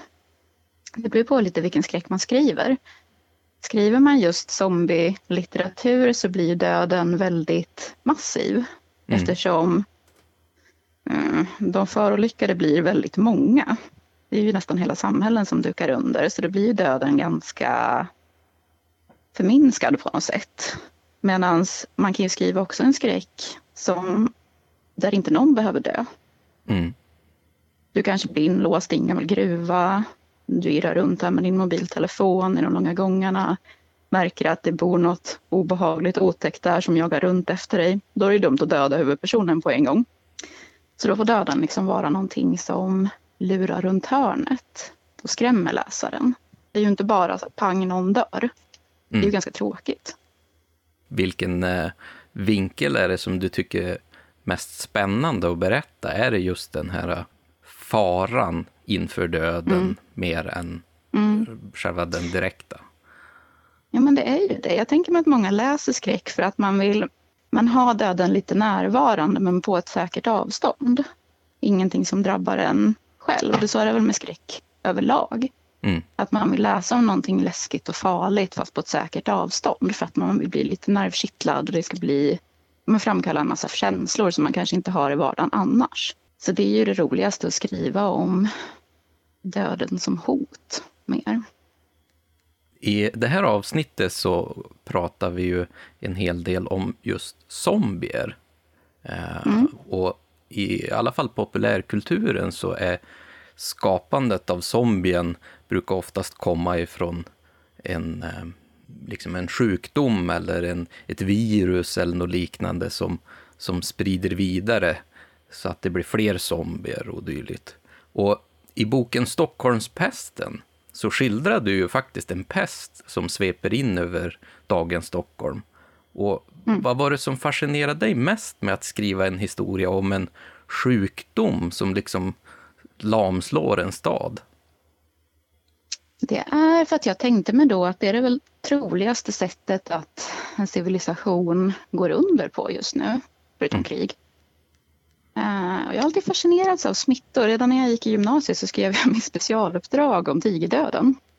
Och sen dess har det liksom rullat på. Jag älskar smittofilmer och katastroffilmer om just det. Jag tror att det har att göra med att man vill se vad som händer om samhället skulle kollapsa. Hur blir det sen? Det är en spännande tanke. För att man tänker liksom, det känns ju som att mänskligheten bara kör på och vi tänker att så här kommer det att vara jämt.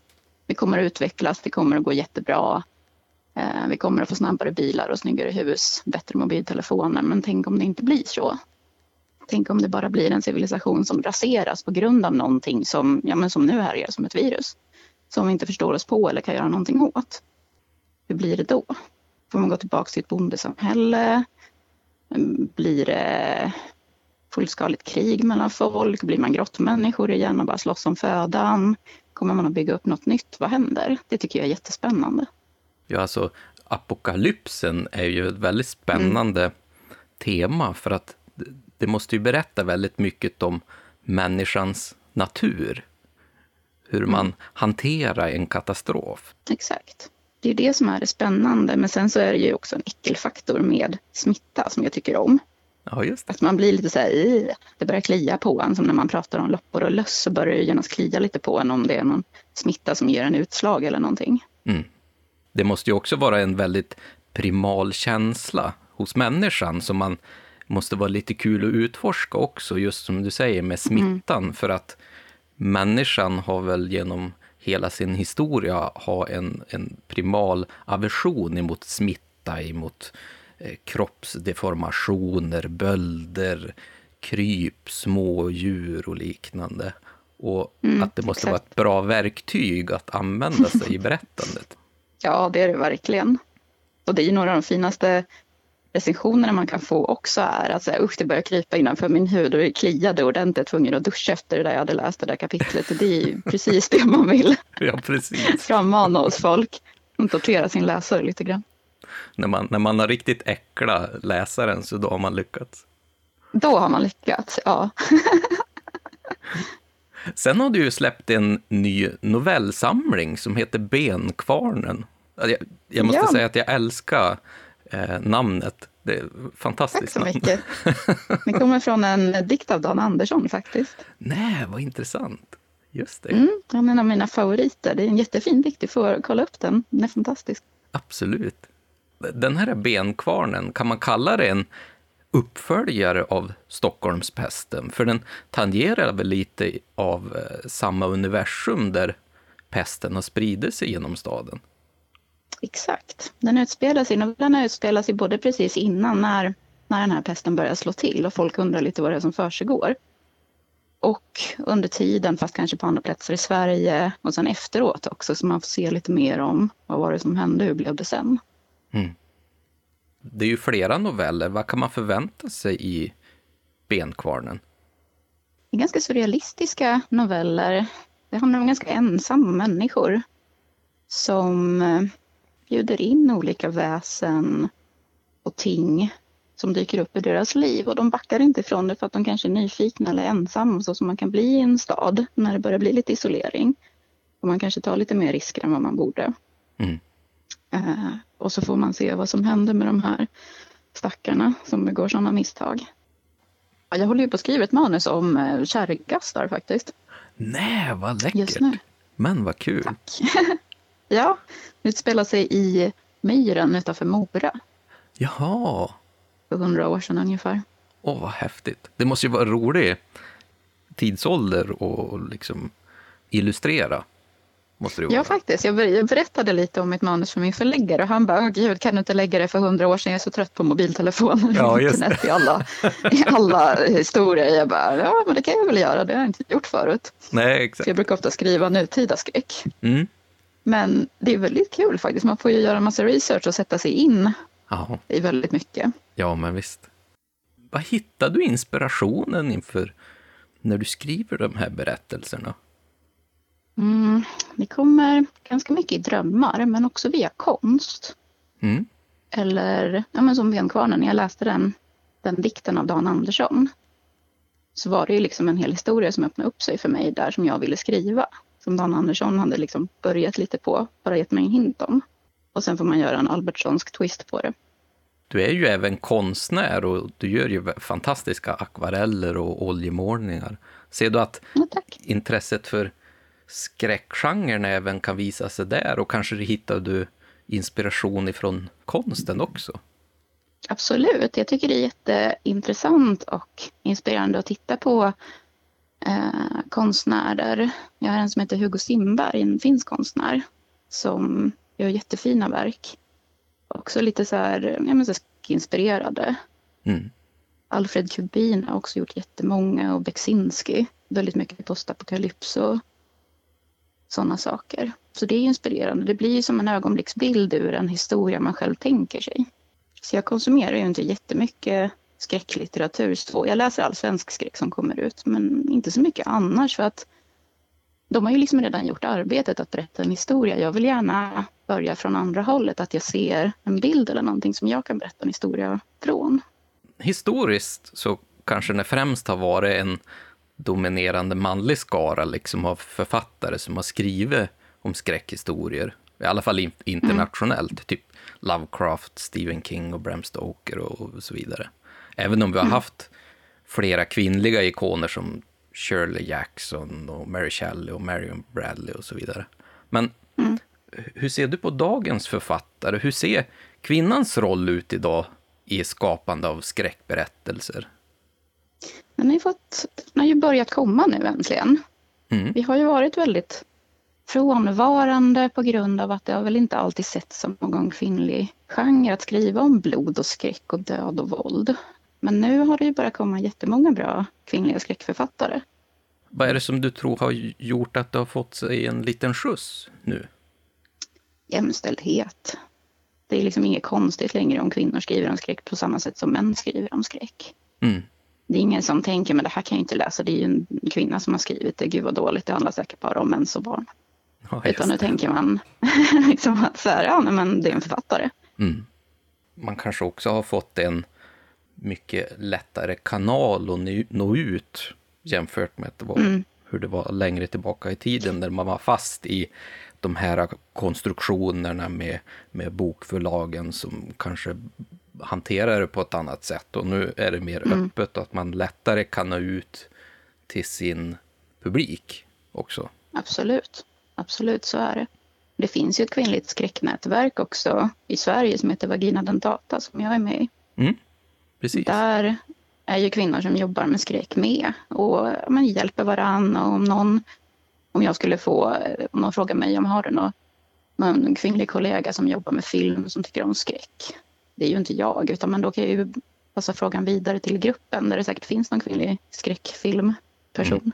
Det är ju ett jättebra nätverk och ett bra förslag från dig också för de som vill satsa lite grann på att skriva mer skräckberättelser och överlag kanske skriva noveller och berättelser av olika slag.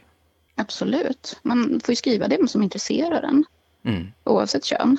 Jag har ju Mm. alltid intresserat mig för läskiga spökhistorier och skräcksaker och så. Då kan man ju inte låta kroppen man har fått hindra en. Det är Nej. ju bara att köra på. Varför är du så intresserad av just eh, skräckgenren förresten?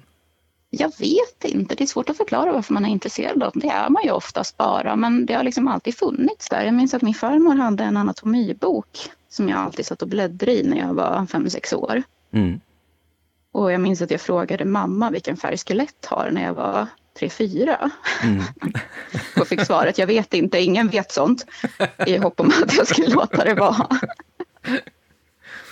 Men det gick inte så bra. Det finns ju ett ord som heter morbid kuriositet. Ja, ja, det skulle nog kunna stämma in på mig. det är nog ganska många som, som eh, tycker det är väldigt intressant faktiskt. Just det här, eh, det morbida, det lite annorlunda, det lite som bryter ifrån normen lite grann. Mm. Döden är lite så här hysch-hysch i vår kultur. Man pratar inte så mycket om det. Det är liksom så här, nej men usch, prata inte om det där. Gud vad deppigt. Mm. Sluta prata om sånt. Mm. Det, kommer i alla fall någon gång. Ehm, Jag tycker att det är spännande med skelett och död och liknande saker. Jag var och kollade på benkyrkan i Sedlec Åh, utanför vad Prag. spännande. Gud vad spännande. Ja, förra året. Och det var ju helt fantastiskt. Mm. Och det är ju också, där är det ju ingen som säger, nej men usch, inte ska du bygga ett helt kapell av skelettdelar. Vad ska folk säga? Så kan du inte hålla på. Utan de gjorde det och det blev jätte, jättevackert. Ja. Men vad bra, då får jag tacka dig så hemskt mycket Sofia för att du Ja, ville vara med på en liten intervju med oss. tack så att jag fick vara med. Det var jättetrevligt. Jätteroligt att Tack prata med själv. dig. Ja, verkligen. Ha det fint nu. Hej då. Hej.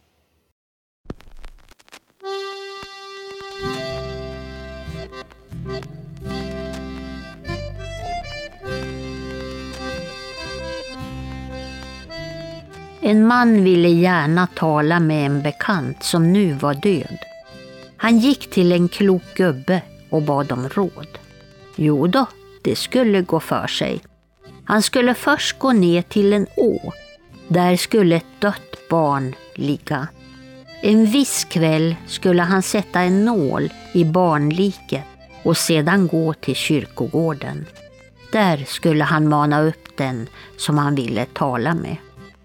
Mannen gjorde så.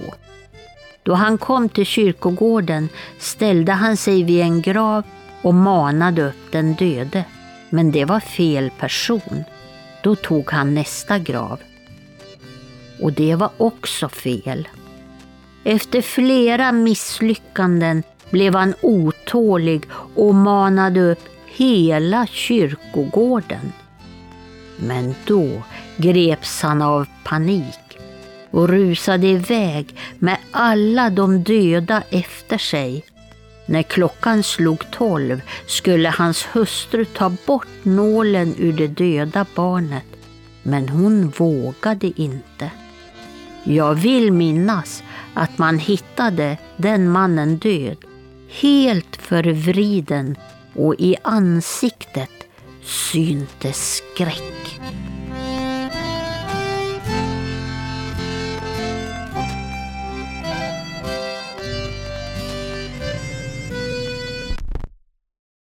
Här hade vi ju ett exempel på när eh, karn i fråga råkade mana upp hela kyrkogården. Det blev ju verkligen en liten zombie-walk där på slutet. Och den här sägen var ju från Värmland.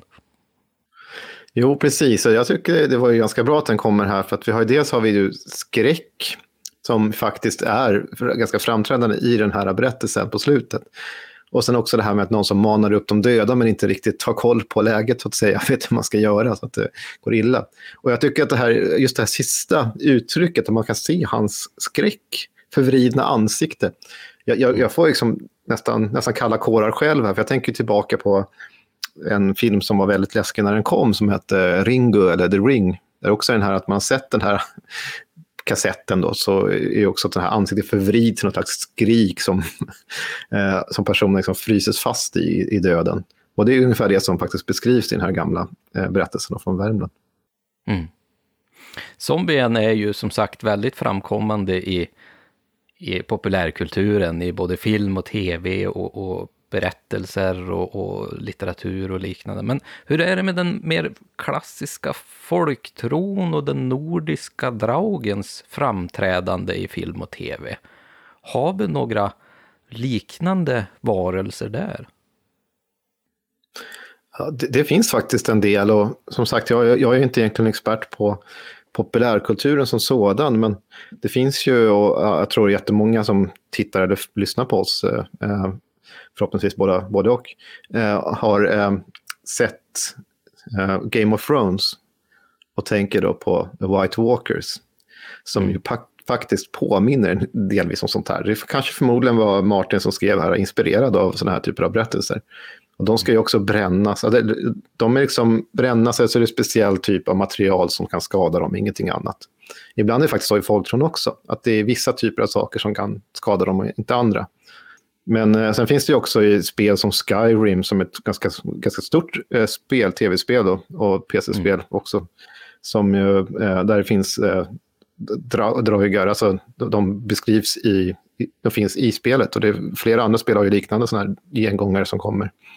Så nog finns de i populärkulturen idag också i, i tv-spel, i, i, filmer och annat. Och inte minst också kan jag tänka mig ganska mycket fantasy-litteratur så hittar du ju. Och vi har ju redan varit inne på tolken, men de kändaste gengångarna om man säger så, där, förutom de här kummelgastarna, är ju, är ju Nazgul, alltså de här eh, ringwraiths som, som mm. då knutna till ringen. Men då är det ju döda kungar som, som dröjer sig kvar under ringens makt.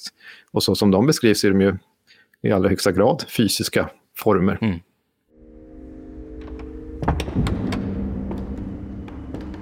En gubbe från Kymstad hade gått till Gräsmark kyrka alldeles för tidigt en julmorgon. När han kom in emot kyrkan såg han att det redan lyste i fönstren. Han tänkte att han kanske hade kommit för sent eftersom han inte såg till en enda människa efter vägen. När han kom fram till dörren så kom det en präst och öppnade åt honom. Den prästen kände han igen, men prästen som hette Brand, han hade varit död i många år. Inne i kyrkan satt alla de avlidna. Han kände till många av dem, men de ville ta liv av honom. Samme präst som öppnade hjälpte honom ut genom dörren. Han fick kasta av sig rocken. Den blev sönderhackad som små gryn. Varje gång gubben talade om denna händelse så grät han.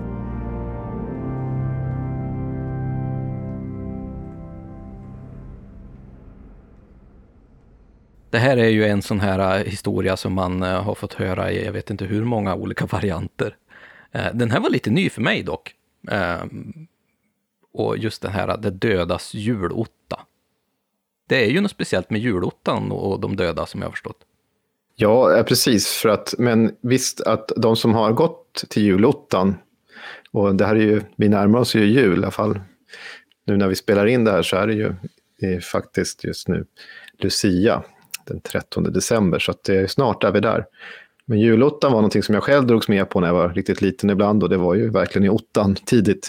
Men så fanns det de som kunde gå ännu tidigare, alltså nästan under natt, nattens timmar då. Och det ska man ju inte göra för att då håller de döda sin gudstjänst så att säga. Och det låter kanske lite motsägelsefullt, men nog behövde de det också.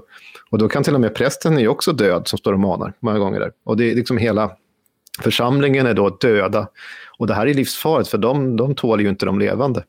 Det är ju deras tid. Så om någon kommer in där så måste den bli som dem. Och det vanligaste är att faktiskt att de i många fall ger sig på personen och sliter inte bara kläderna i stycken utan personen i stycken. Så därför är det viktigt att man ibland, ungefär som du berättade som man ska göra med björnar någonting ibland, som vi pratade om tidigare avsnitt här, att man skulle typ klä av sig något plagg eller så att de fick dra sönder det eller så att de fick liksom sysselsätta sig med det men så man kunde smita ut.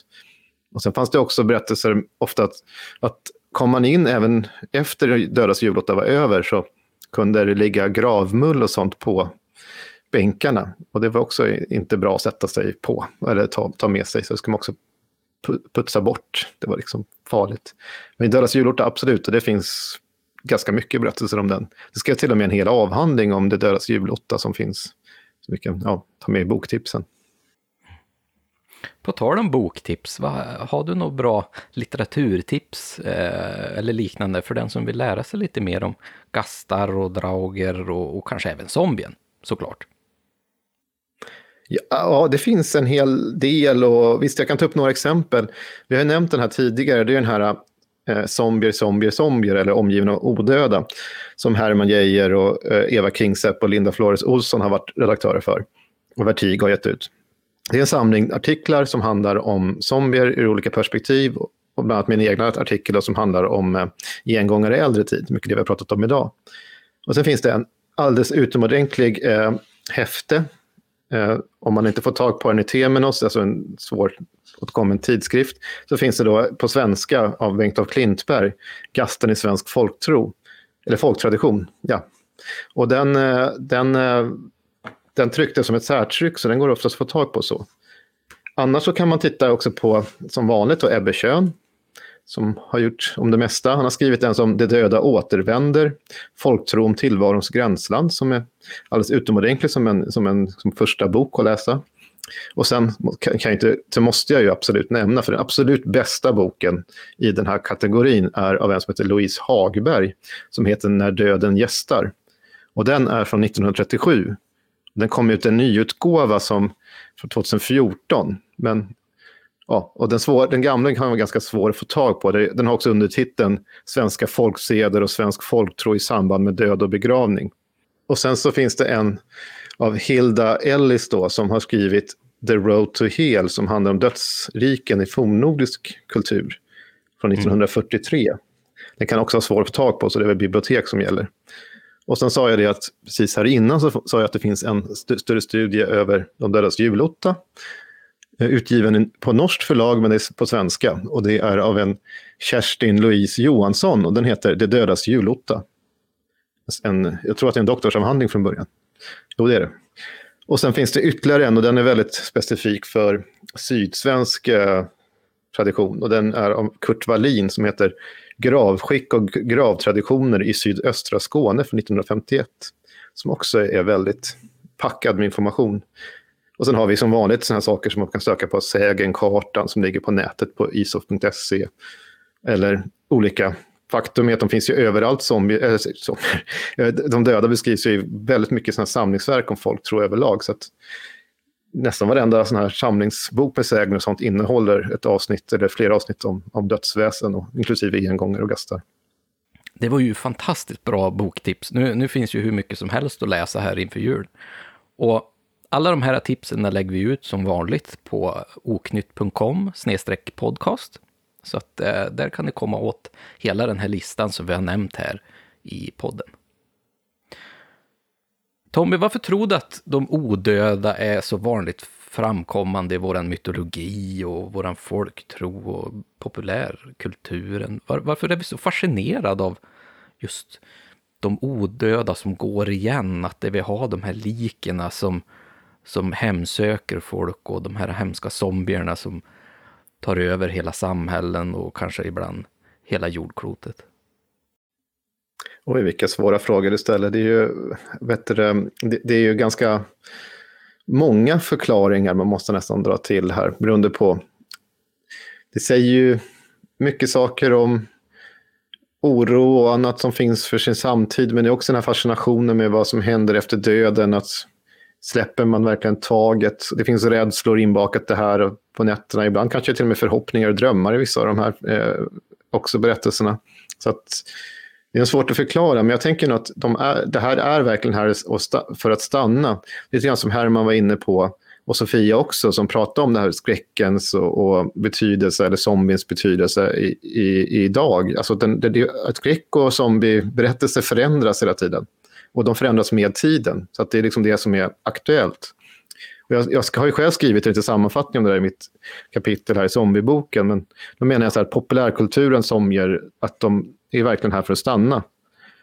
Även om de bara har eh, liten del, eh, mindre delar gemensamt med de här äldre föreställningarna vi har hört talas om här, eh, så ger både de äldre eh, och de nyare berättelserna uttryck för ett funderande över människolivets förhållande till döden och till vår egen dödlighet. Mm. Dessa funderingar kan både inrymma rädslor och tankar kring vårt förhållningssätt, både till varandra och till vår omgivning. Så att eh, de, både zombier eh, och folktrons gengångare och dröjgare i fornnordisk tid fungerar som en slags samtidsbetraktelser kan man faktiskt säga. Och de, är, de har mm. alltid funderat, fungerat, de är bra att tänka med eh, när vi mm. förklarar saker och ting med de döda. Så ja, det är väl lite det som jag, jag tänker mig kring det här. Det jag tycker är så spännande med de här varelserna är ju att man ser dem som ett symptom på att man inte får komma till eftervärlden. Eftervärlden är ju så väldigt betydelsefull för oss människor. Att det finns ett himmelrike, att det finns ett helvete, att det finns hel, att det finns eh, Valhall där man kunde få komma, att det finns ett liv efter detta. Men här så blir personen i fråga, han får inte komma dit utan han blir fast i sin kropp. Och att där nästan förstärks hans onda personlighet och där förstärks den här äh, personen och, och, och lider här på jorden. För att han ska inte leva här på jorden om han är död, utan han ska gå vidare. Just som du pratade tidigare om att det är så viktigt med gränsdragningar. Att äh, jorden är, är till för det levande, inte för det döda.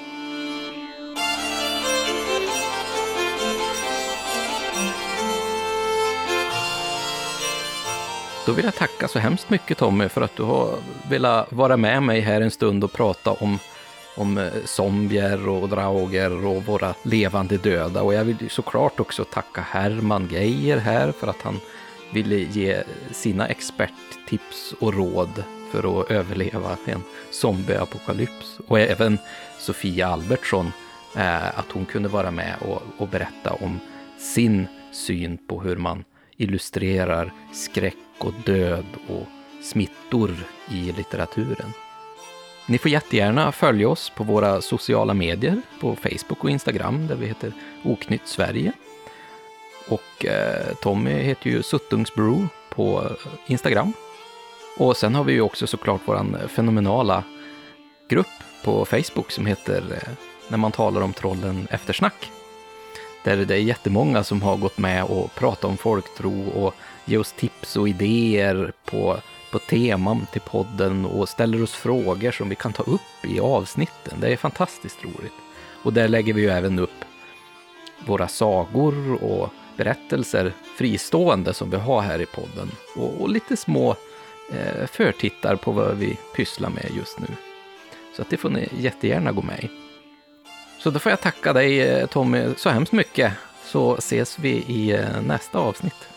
Ha det fint Tommy. Detsamma, tack, tack. Hej.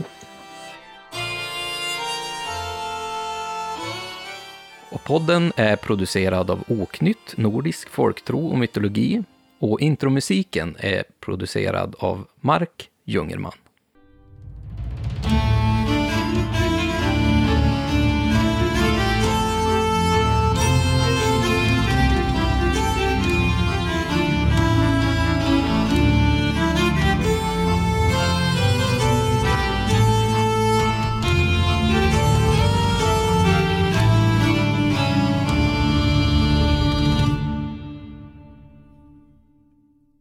Vad var det? Jag hade tanken i huvudet. Vad, he, vad heter det? Vad heter det? En stor... stor. Ja. Eh. ja, här hade vi ju en tydlig... Men, nej, men jag, tapp, jag tappade det. Ja, exempel. Oh, jag, jag är lite borta. Det börjar bli sent. Ehm, um, och här hade vi ju ett tydligt exempel. Mm, Sorry.